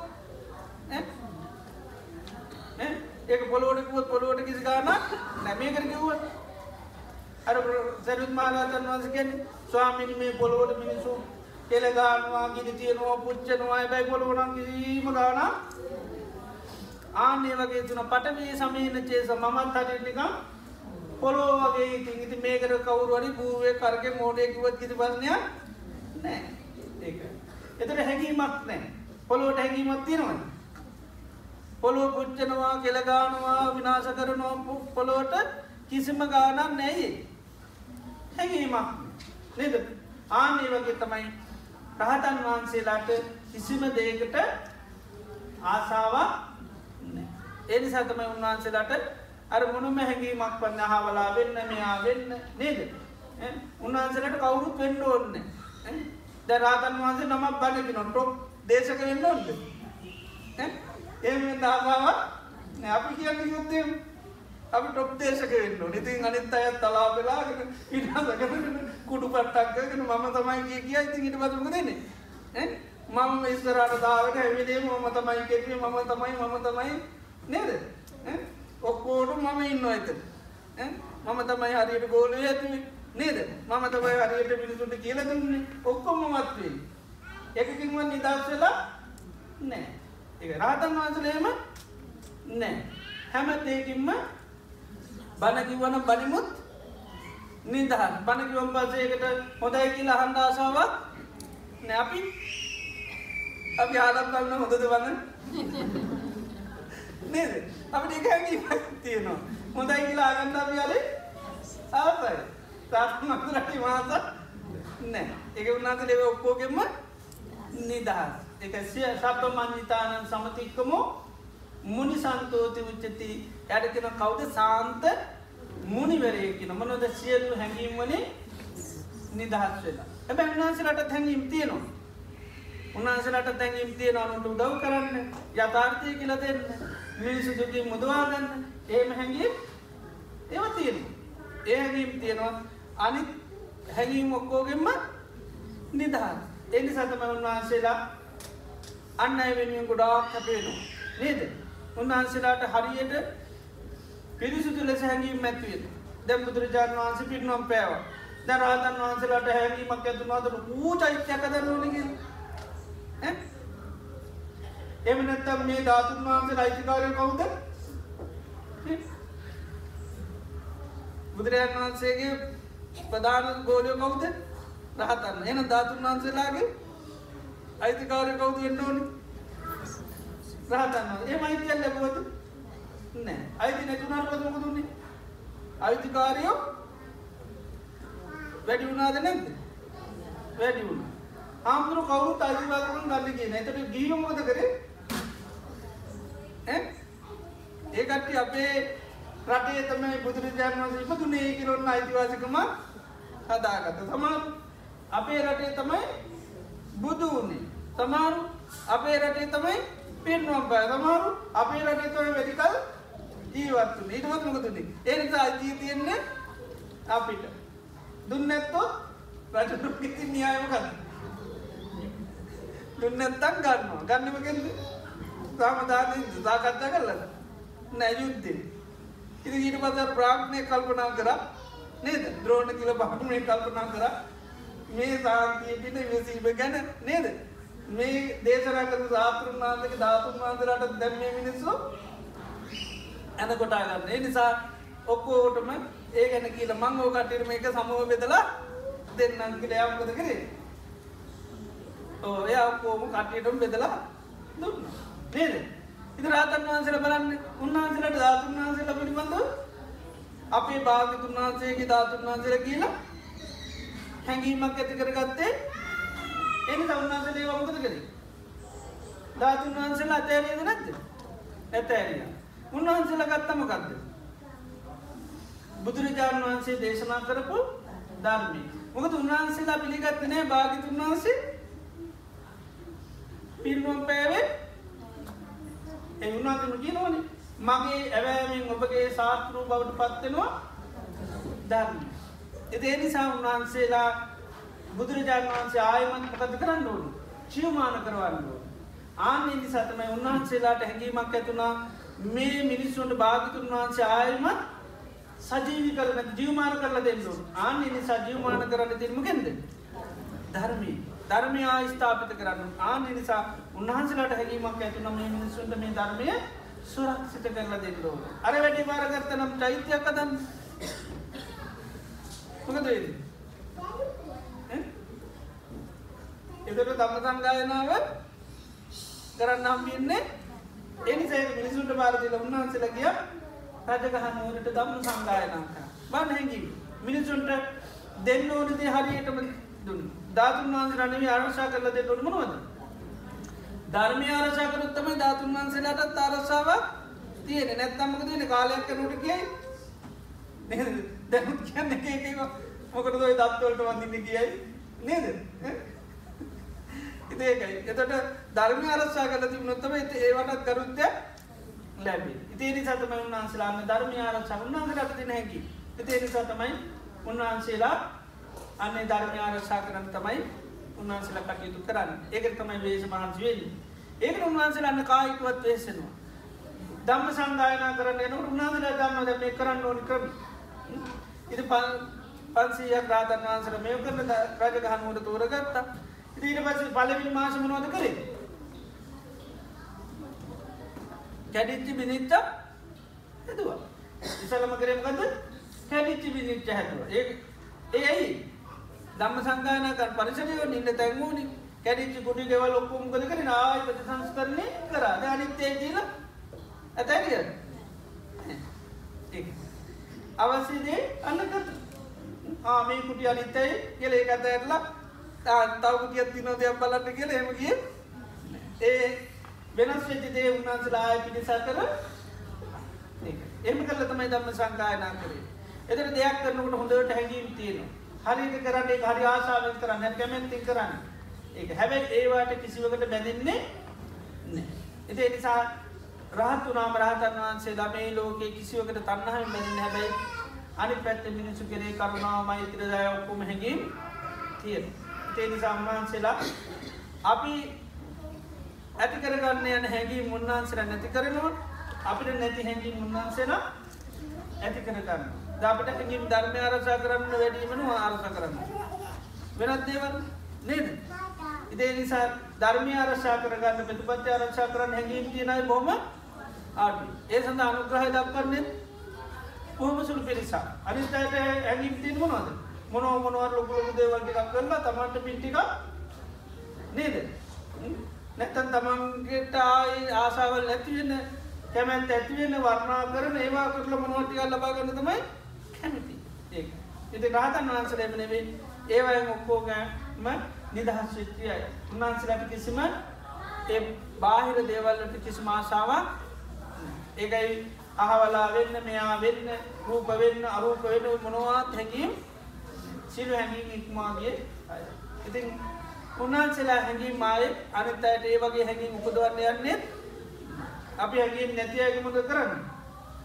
දැන් සමාරන්ට දරුවන්ට බඳන්න හැඟීම නම්මලමකද කරන්න? පොටෝ පෙන්න්න පෙන්න්න නේද? මෙයා ලක්වනයි දරය ලක්වනයි දිගෙන හැඟීම් මත කරන ඉට බද බන්දර දීල නේද? මුලින් පෙවුණ දී දේවියගේ ඉටවත්තේ නේද? අම්මම ගින් බලන්න බලන්නක සිරියාව. නේද? ඊට පස්සේ අම්මම හරි මූසලා ගෙදරට ආපු දවස් නේද? අර නැති අය දැකී බෞද්ධලා බන්දලා දින ඊට පස්සේ ලොකු දෙන්නේ මානිය ඊට දුන්නෙත් නෑ මානිය ඊට එහෙම කියන්නේ මොකද ඵලයන් මගේ මිනි උලින් කිය නේද? ආනේ ඉතින් අපි අවසන් යන්නේ වගේ හැඟීම්. රාතන් වහන්සේලා සීල හැඟීම් වලින් නිදහස් වෙලා. ඉතින් ඒක සත උන්වහන්සේලාට කියන්නේ කවුද? සාන්ත මුනිවරයා කියලා කියනවා. ඉතින් මේ විදිහට බුදුරජාණන් වහන්සේ මේ දේශනය අවසන් කරා.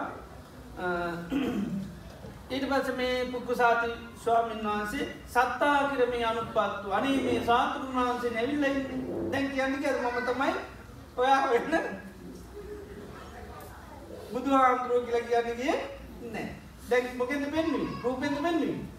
රූපේ පෙන්වුවට වඩා නෑ පෙන්වේ කොහෙන්ද? ධර්මයෙන් පෙන්න්නේ ඒක රූපයෙන් හඳුන්නා දෙන්න ගිය නෑ ඔයා වෙන බුදුවාගර ඔන්න ළඟට කරන්න බං කියන්න ගිය නෑ නේද? ඒවා කියන්න කියන්න ඊට පස්සේ දැන් මෙයාට කියන්න නැතුව කියන සත්තාතිර මේ අනුපත්තු අනේ භාග්‍යතුන් වහන්සේ මේ පැමිණලා ඉන්නේ. සුගතෝ මේ අනුපත්තු සුගතයන් වහන්සේ මේ ඇවිල්ලා ඉන්නේ. සම්මා සම්බුද්ධෝ කියලා මේ අනුපත්තු අනේ මේ සම්මා සම්බුදුරන් වහන්සේ මේ ඇවිල්ලා ඉන්නේ.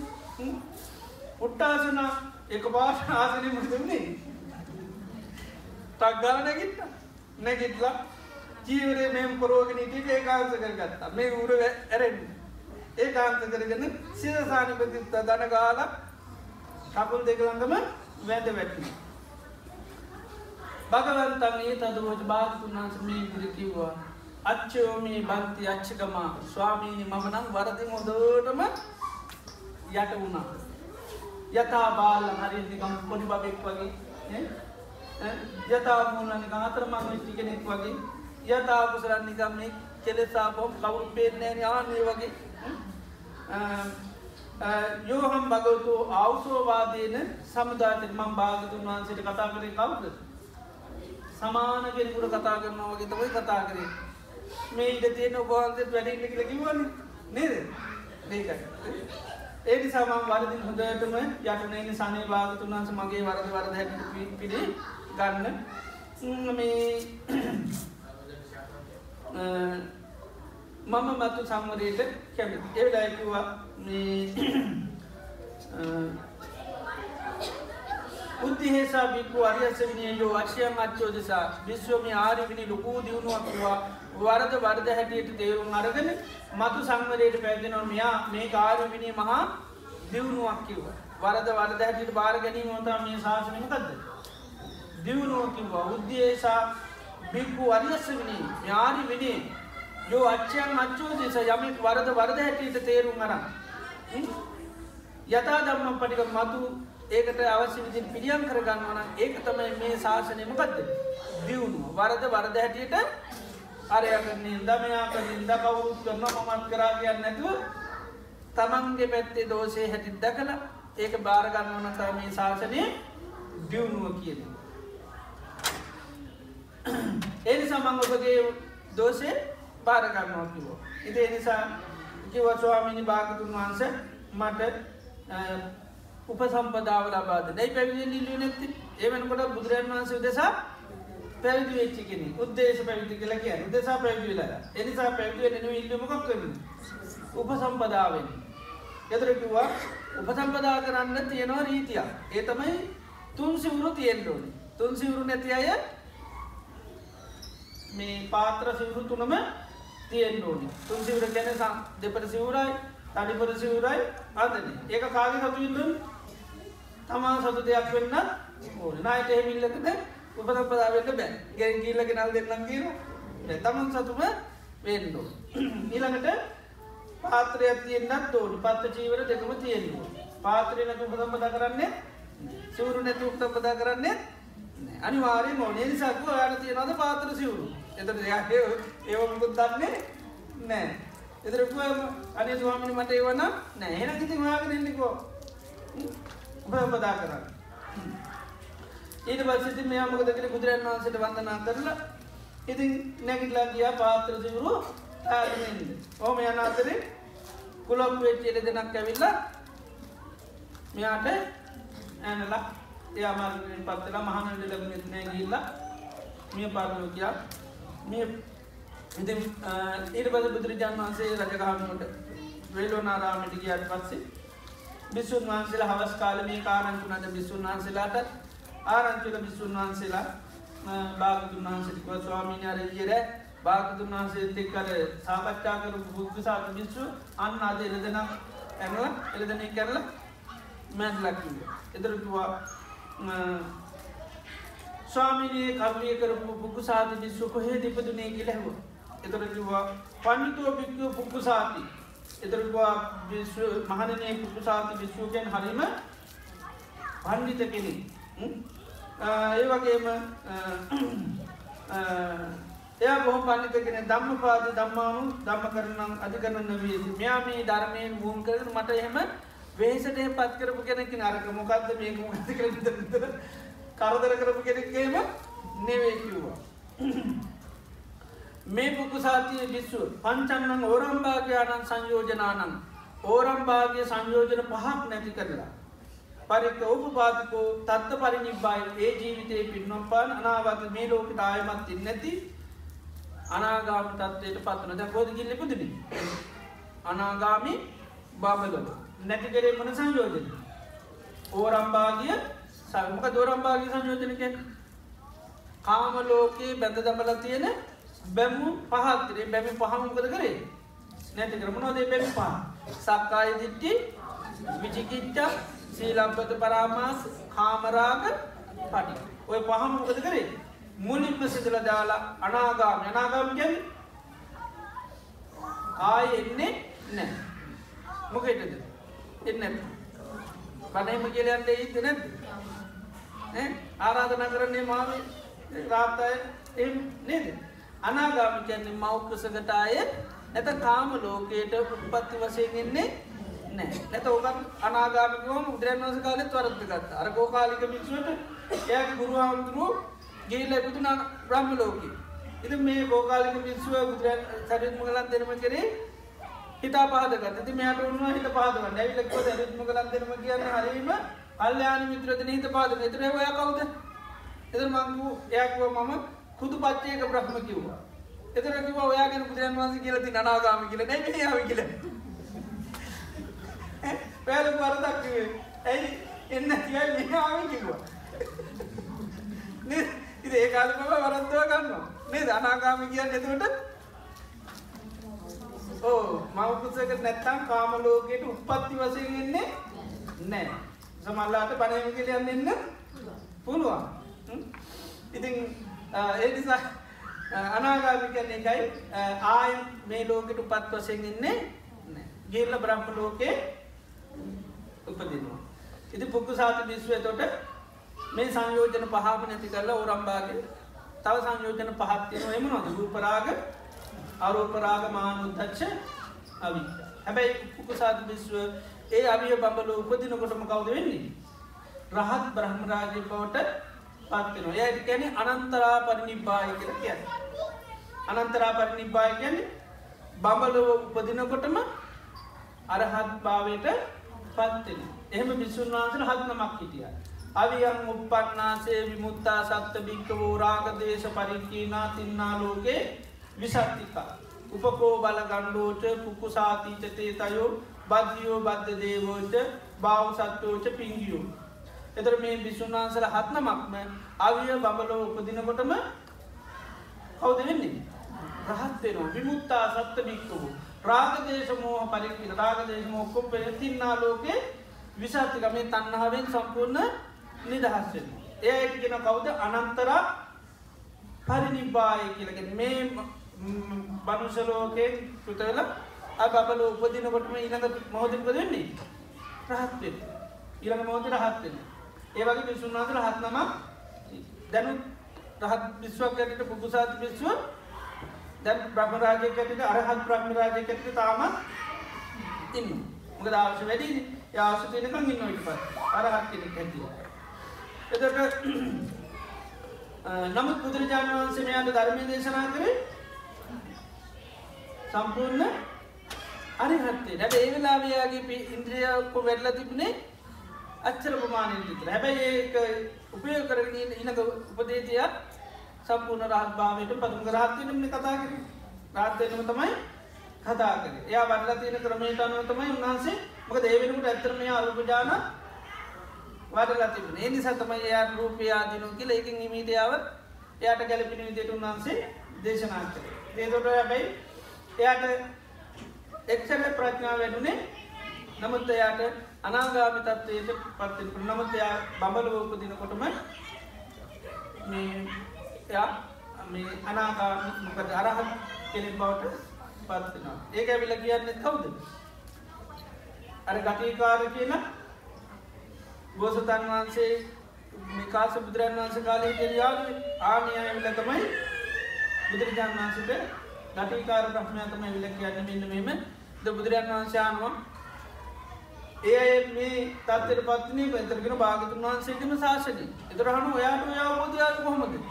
එදරයා කියනවා කුම්භකාරු පුරයා සීවේහලින්ගේ ගටිකරෝ මාතා පෙත්ති වරුවත්සම් කස්ස පස් උපාසකා විරතාමී තුනා දම්මා බ්‍රහ්මචාරි නිරාමසු. මම කාස බුදුරන් වහන්සේ කාලේ බ්‍රහ්මචාරී කෙනෙක්. ඒ කාශ බුදුරන් වහන්සේ කාලම අනාගාමි කෙනෙක්. එතට ඒකාල බෝසතන් වහන්සේ උන්වන්සක යාග එතුරගෙන අව්වාමී සගාමීවන් අව්වාමී සපුරේ සඟ බහන්ස මගේ යාගයක් වයිස මගේ ගමී හිටියෙනෙක් කිව්ව. ඊට පස්සේ ඉති මුදුරයන් වන්ස ඕහ යගේ ගම හිටියෙන තාම මත් කියලා උන්වහන්සේ පිළිගනිට ගෙන මේ රහතන් වහන්සල කියන මේ දෙදෙනගේ අන්තිම හමුවීම කියනවා. ආයම මේ දෙන්න හමුවෙන්නේ නෑ අන්තිමම බවට පත්වනම යාලුව දෙන්න. ඉතින් ඒ විදියට මේ පුක්කු සාති මිල්පේකට අනාගාමි තත්තර පත්තල බ්‍රහ්මලෝකේ උපදින. ඉති තොට මේ සූත්‍රයේදී බුදුරජාණන් වහන්සේතුට මනුෂ්‍යයා කියන්නේ කවුද මනුෂ්‍යයා කැන ධාතු හයක් එම නැත්ත මනුෂ්‍යයා කියන පුළුවන් ස්පර්ශායතන හයක් එම නැත්ත මනුෂ්‍යයා කියන්නේ හිත හැසිරෙන තැන් දහටක් එම නැත්තම් මනුෂ්‍යයා කැනෙ අධිෂ්ඨාන හතරක්. මොනද අධිෂ්ඨාන අතර පඥාධිට්ඨාන ප්‍රඥාවක් බවට පත්වෙනවා නැත්තං සච්චාධිට්ඨාන සත්‍ය බවට පත්වෙනවා සාගධිට්ඨාන අතහැරින් බවට පත්තර එම නැත්තම් උප සමාධිතන් සංසිදන කෙනෙ බවට පත්වෙන. එක මනුෂ්‍යයා කියන්නේ එතට අධිෂ්ඨාන හතරක්. ගැන ඒතත් ඒ ස්වභාවට පත්වෙන. හත්තුනාම රහතන් වන්සලා කියන්නේ ප්‍රඥාවන්ත භාවට පත්වන සත්‍ය ස්වභාවට පත්වනා අතහැරින් ස්වභාවට පත්ත නැතන් සංසිදුණු ස්වභාවට පත් වනා. ඊළඟට පඥන් අප මජ්‍යයේ ප්‍රඥාව තියෙන මොකටද? අප්‍රමාදී වෙන්න. සත්‍යය තියෙන්නේ ආරශ්ා කරන. ත්‍යාගය තියෙන්නේ දීලදා නිවන තියෙන්නේ සංසිදෙන උප සම කියන්නේ එක සංසිදුව කරවා සංසිදුව ගන්න රාග දේශ මෝහ ඒකයි එතට උප සමයතයන සික්ක එකෙන් පුහුණු වෙන්න සංසිදන කෙන බෞඩ අපි පුහුණු වෙන්ලෝ ඉති එතොට මෙන මේ ප්‍රඥාවෙන් අප්‍රමාද වනාම යාටගෙන කවද? සාන්ත මුණ එතර කියලා යත්සටි තම්මන් යුස්සවාන පවත්තති. යම් අවබෝධයට පත්වනම් පස්සේ හැඟීම් පවත්වන්නේ හැඟින් නොපවත්තන කෙනාට තමයි කවුද කියන්නේ? සාන්ත මුනිවරයා. මුනි සන්තෝචි උච්චති යටකෙන සාන්ත මුනිවරයා. එයට කිසිම හැඟීමක් නෑ ආවලා වෙන්න මං වෙන්න. ඔය මොනවාත් හැඟින්න වෙන්න වෙන්න ඕන කර මුකුත් වෙන්න ඕන දේවල් එත නායකු වෙන්න අරුම වෙන්න රාතන් වහන්සලාට ඒම කිසිීම හැඟීම නෑ ඒ සඳහා කිසිම දෙයක් කිසිම කායික වාශ මාන්ස කිසිම ක්‍රියාවක කරට යන්නේ ඒ ඉති බුදුරජාණන් වහන්සේගේ ධර්මී තුළ එතොට අප සිරි දෙනාටම මේ මනුෂ්‍යයා කැන ධාතු හයක් හැටිට අවබෝධ කරගන්න ස්පර්සායත හැටි හයකට අවබෝධ කරගන්න. ඒ වගේම හිත හැසිරෙන තැන් දහටක් ඇති අවබෝධකන් මේ වගේ හිත නිදහස් කරගෙන සාන්ත මුනිවරයෙක් වෙන්න ලැබේවා අපි සිරජනාටම ආශිර්වාද කර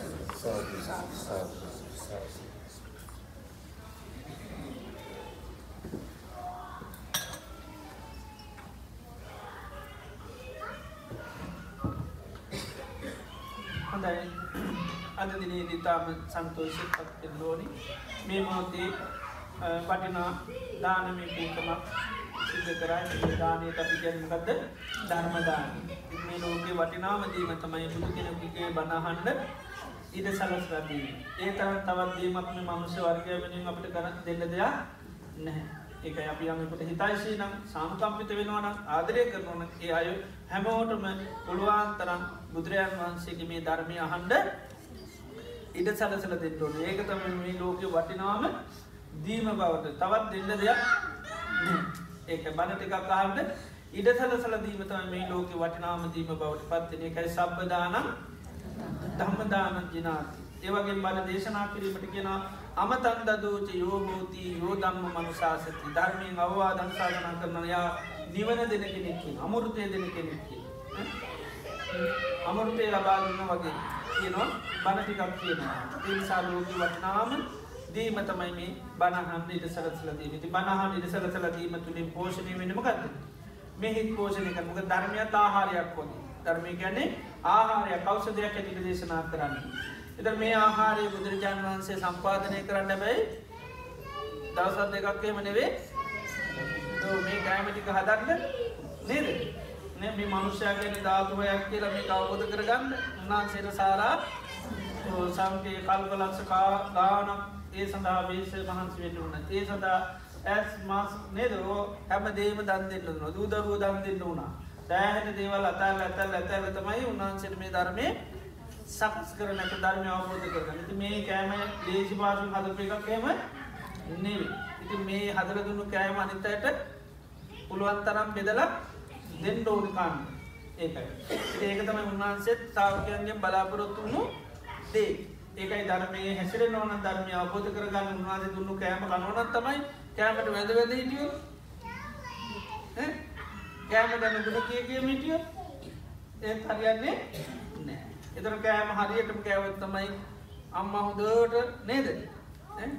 උයන්න ධර්මමකද කාපගෙන අන දන්න. නේද?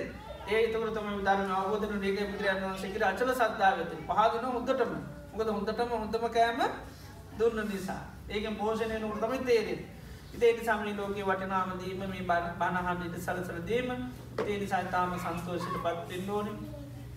භාගවත් බුදුරජාණන් වහන්සේ අවබෝධ කරගත්ත ඒ මේ අහන්ඩට සලසලක් දුන්න ඇති මේ තුළින් අපි මේ ධර්මය භාවිතා කරලා අපි සිහ පිහිටුවාගෙන ගියොත්තේ මෛත්‍රී බුදුරන් වහන්සේ බුදිනකට උන්වහන්සේ කියන චද්ධාතුරු අයම් බික්කු පුරුෂෝ කියනවා. මේ මනුසයක් කියන්නේ ධාතු හයකතොර සීය තියෙනවා.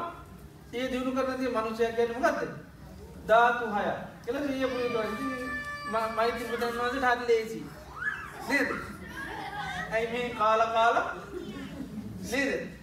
හොඳට ජව සම්පන්න කියවනම් එක කෑමමක දෙන්නේ ආය පණ කාලනවා නේද? තොට බේද මාන්ත්‍රයනු නැද මේ පුපුද ඇති කියන්නේ?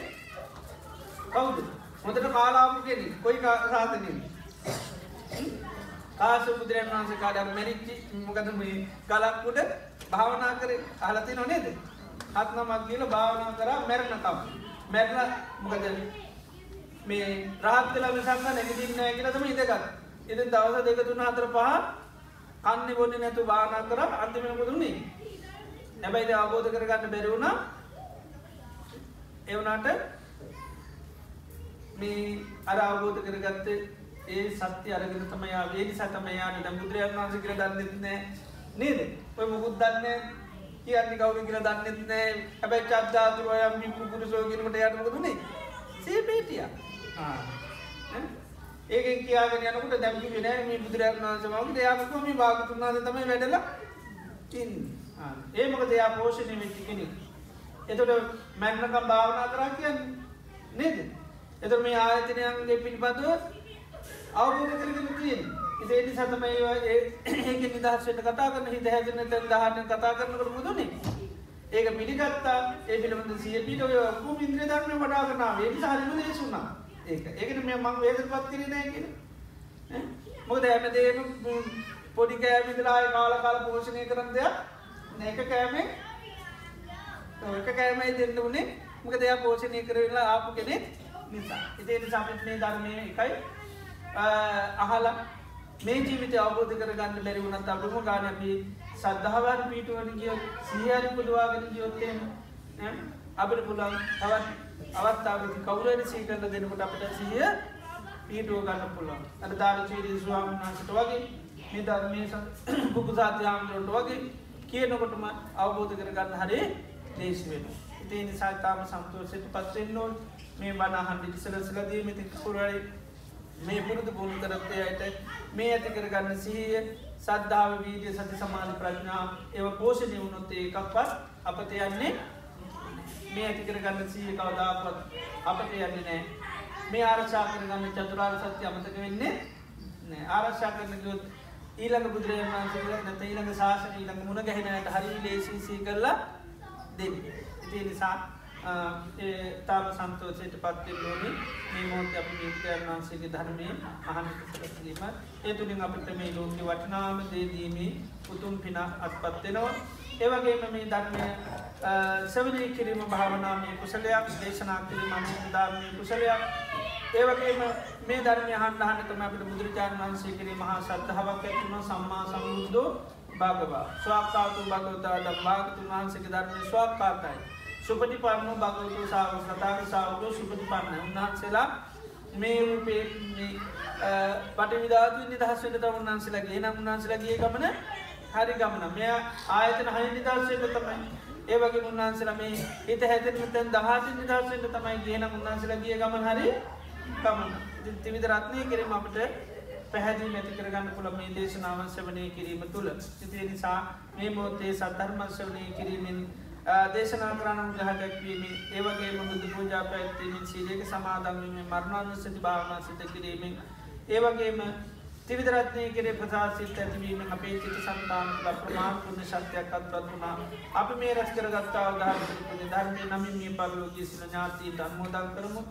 මේ පරලෝගේ සිරු ඥාතිීන් අතීත සංසාරය පට මේ ජීවිතය දක්ව සිරු ඥාතින් සාධ්‍යාමී පින අන්මෝදන් වේවා.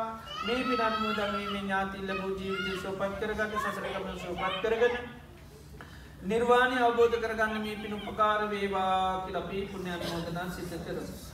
ඒවගේම මේ රැස් කරගත්තා උදාාරතර පුුණධර්මය සිරු දෙවිදේවතාවටත් මොදක් කරම. සිරු දෙවියෝ මේ පින සාධකයා අනුමෝදක් වේවා. මේ පින අනුමෝදක්වීමෙන් දෙවිදේවතාවල්ල ජීවිත සෝපත් කරගත සසරකමන සෝපත් කරගන නිර්වාණය අවබෝධ කරගන්න මේ පින් අනු උපකාර වේවා සිලූම ලෝකවා සත්‍යයන්ටත් මේ පින් අනුමෝදක් කරන සිට සත්‍යයෝ මේ පිට දක් අනුමෝදන් වෙලා ඒ ලැබූ ජීවිත සූපත් කරගන්න සසර ගමන සූපත් කරගෙන නිර්වාණය අවබෝධ කරගන්න මේ පින උපකාර වේවා කියලා පී පුුණ්‍ය අනුමෝදනා සිත කරමු.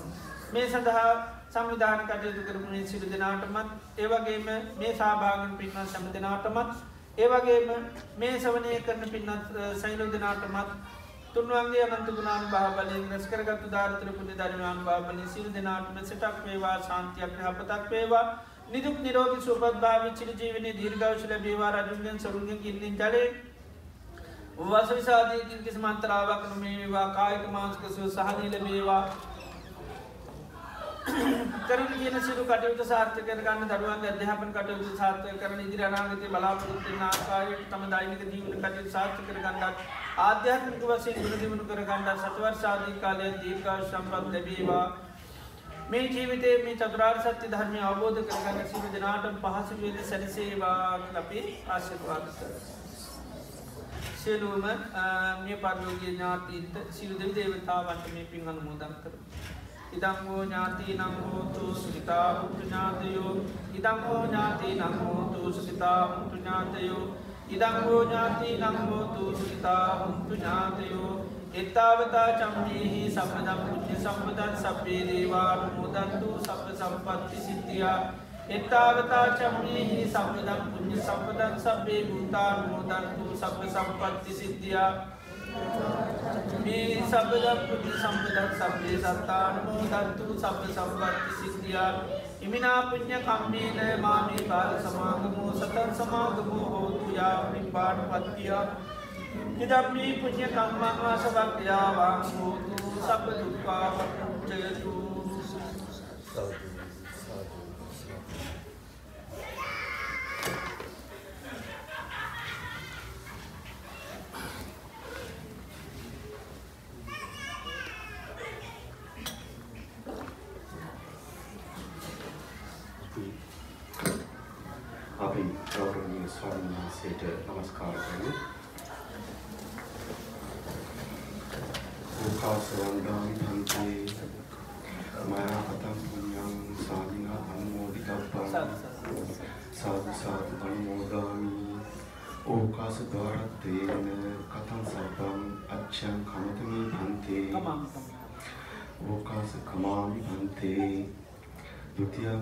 ඕකාස කමාමි පන්තේ තතියම්පි ඕකාස කමාමි පන්තේ සීලවන්තං ගුණවන්තං විඤ්ඤක්කිතං අනුත්තරං දුර්ලභේන මයානත්තං පස්සිතුං වන්දිතුං වරං සාරිපුත්තාදි තේරාණං ආගතං පටිපාටියා සද්ධා සීල දයාවාසං බුද්ධ පුත්තං නමාමහං සාදු සාදු සාදු අද දෙදස් විසි දෙක වසරේ ඔක්තෝබර් මස දෙවෙනි ඉරිදා ක්‍රන්බර්න් ඊස්ටි බලබර ප්‍රජාමත්‍ය ස්ථානයේදී වස්සාවසනාම ධර්මදේශනාවක් පැවැත්වීම සඳහා ධනුෂ්ක සහ කුෂාණි යන සදහැවතුන්ගේ ආරාධනය පරිදි මෙම ශාලාවට වැඩම කර ධර්මානුශාසනාව පවත්වා වදාළ ක්‍රිපල්බෘක් ආරණ්‍ය සේනාසනයේ ප්‍රධාන අනුශාසක දුරන්දර අවසරයි. පූජ්‍යපාද ගෑගොඩපොළ විමල ඥාන ගෞරවනීය ස්වාමින් වහන්සේට චිරාත් කාලයක් ශාසනික සේවයේ දෙමින් බොහෝ දෙනාගේ ධර්ම අවබෝධය වඩා වර්ධනය කිරීම සඳහා ශක්තිය ධෛර්යය වාසනාව නිදුක් නිරෝගී සුවසෙත සහ චිරජීවනය හිමි වේවා ප්‍රාර්ථනීය බෝධියකින් උතුම් වූ නිර්වාණ අවබෝධය සාක්ෂාත් කර ගැනීම සඳහා ශක්තිය ධෛර්යය වාසනාව නිදුක් නිරෝගී සුවසතපත් හිමි වේවා ඒ සඳහා අප සියලු දෙනා රැස් කරගත් උදාර කුසලාන ශංශයන්ද හේතු වාසනා වේවායි සාදුකාරදී පුණ්‍යානුමෝදනා සිදු කර ආශිර්වාද කරමු සාදු සාදු සාදු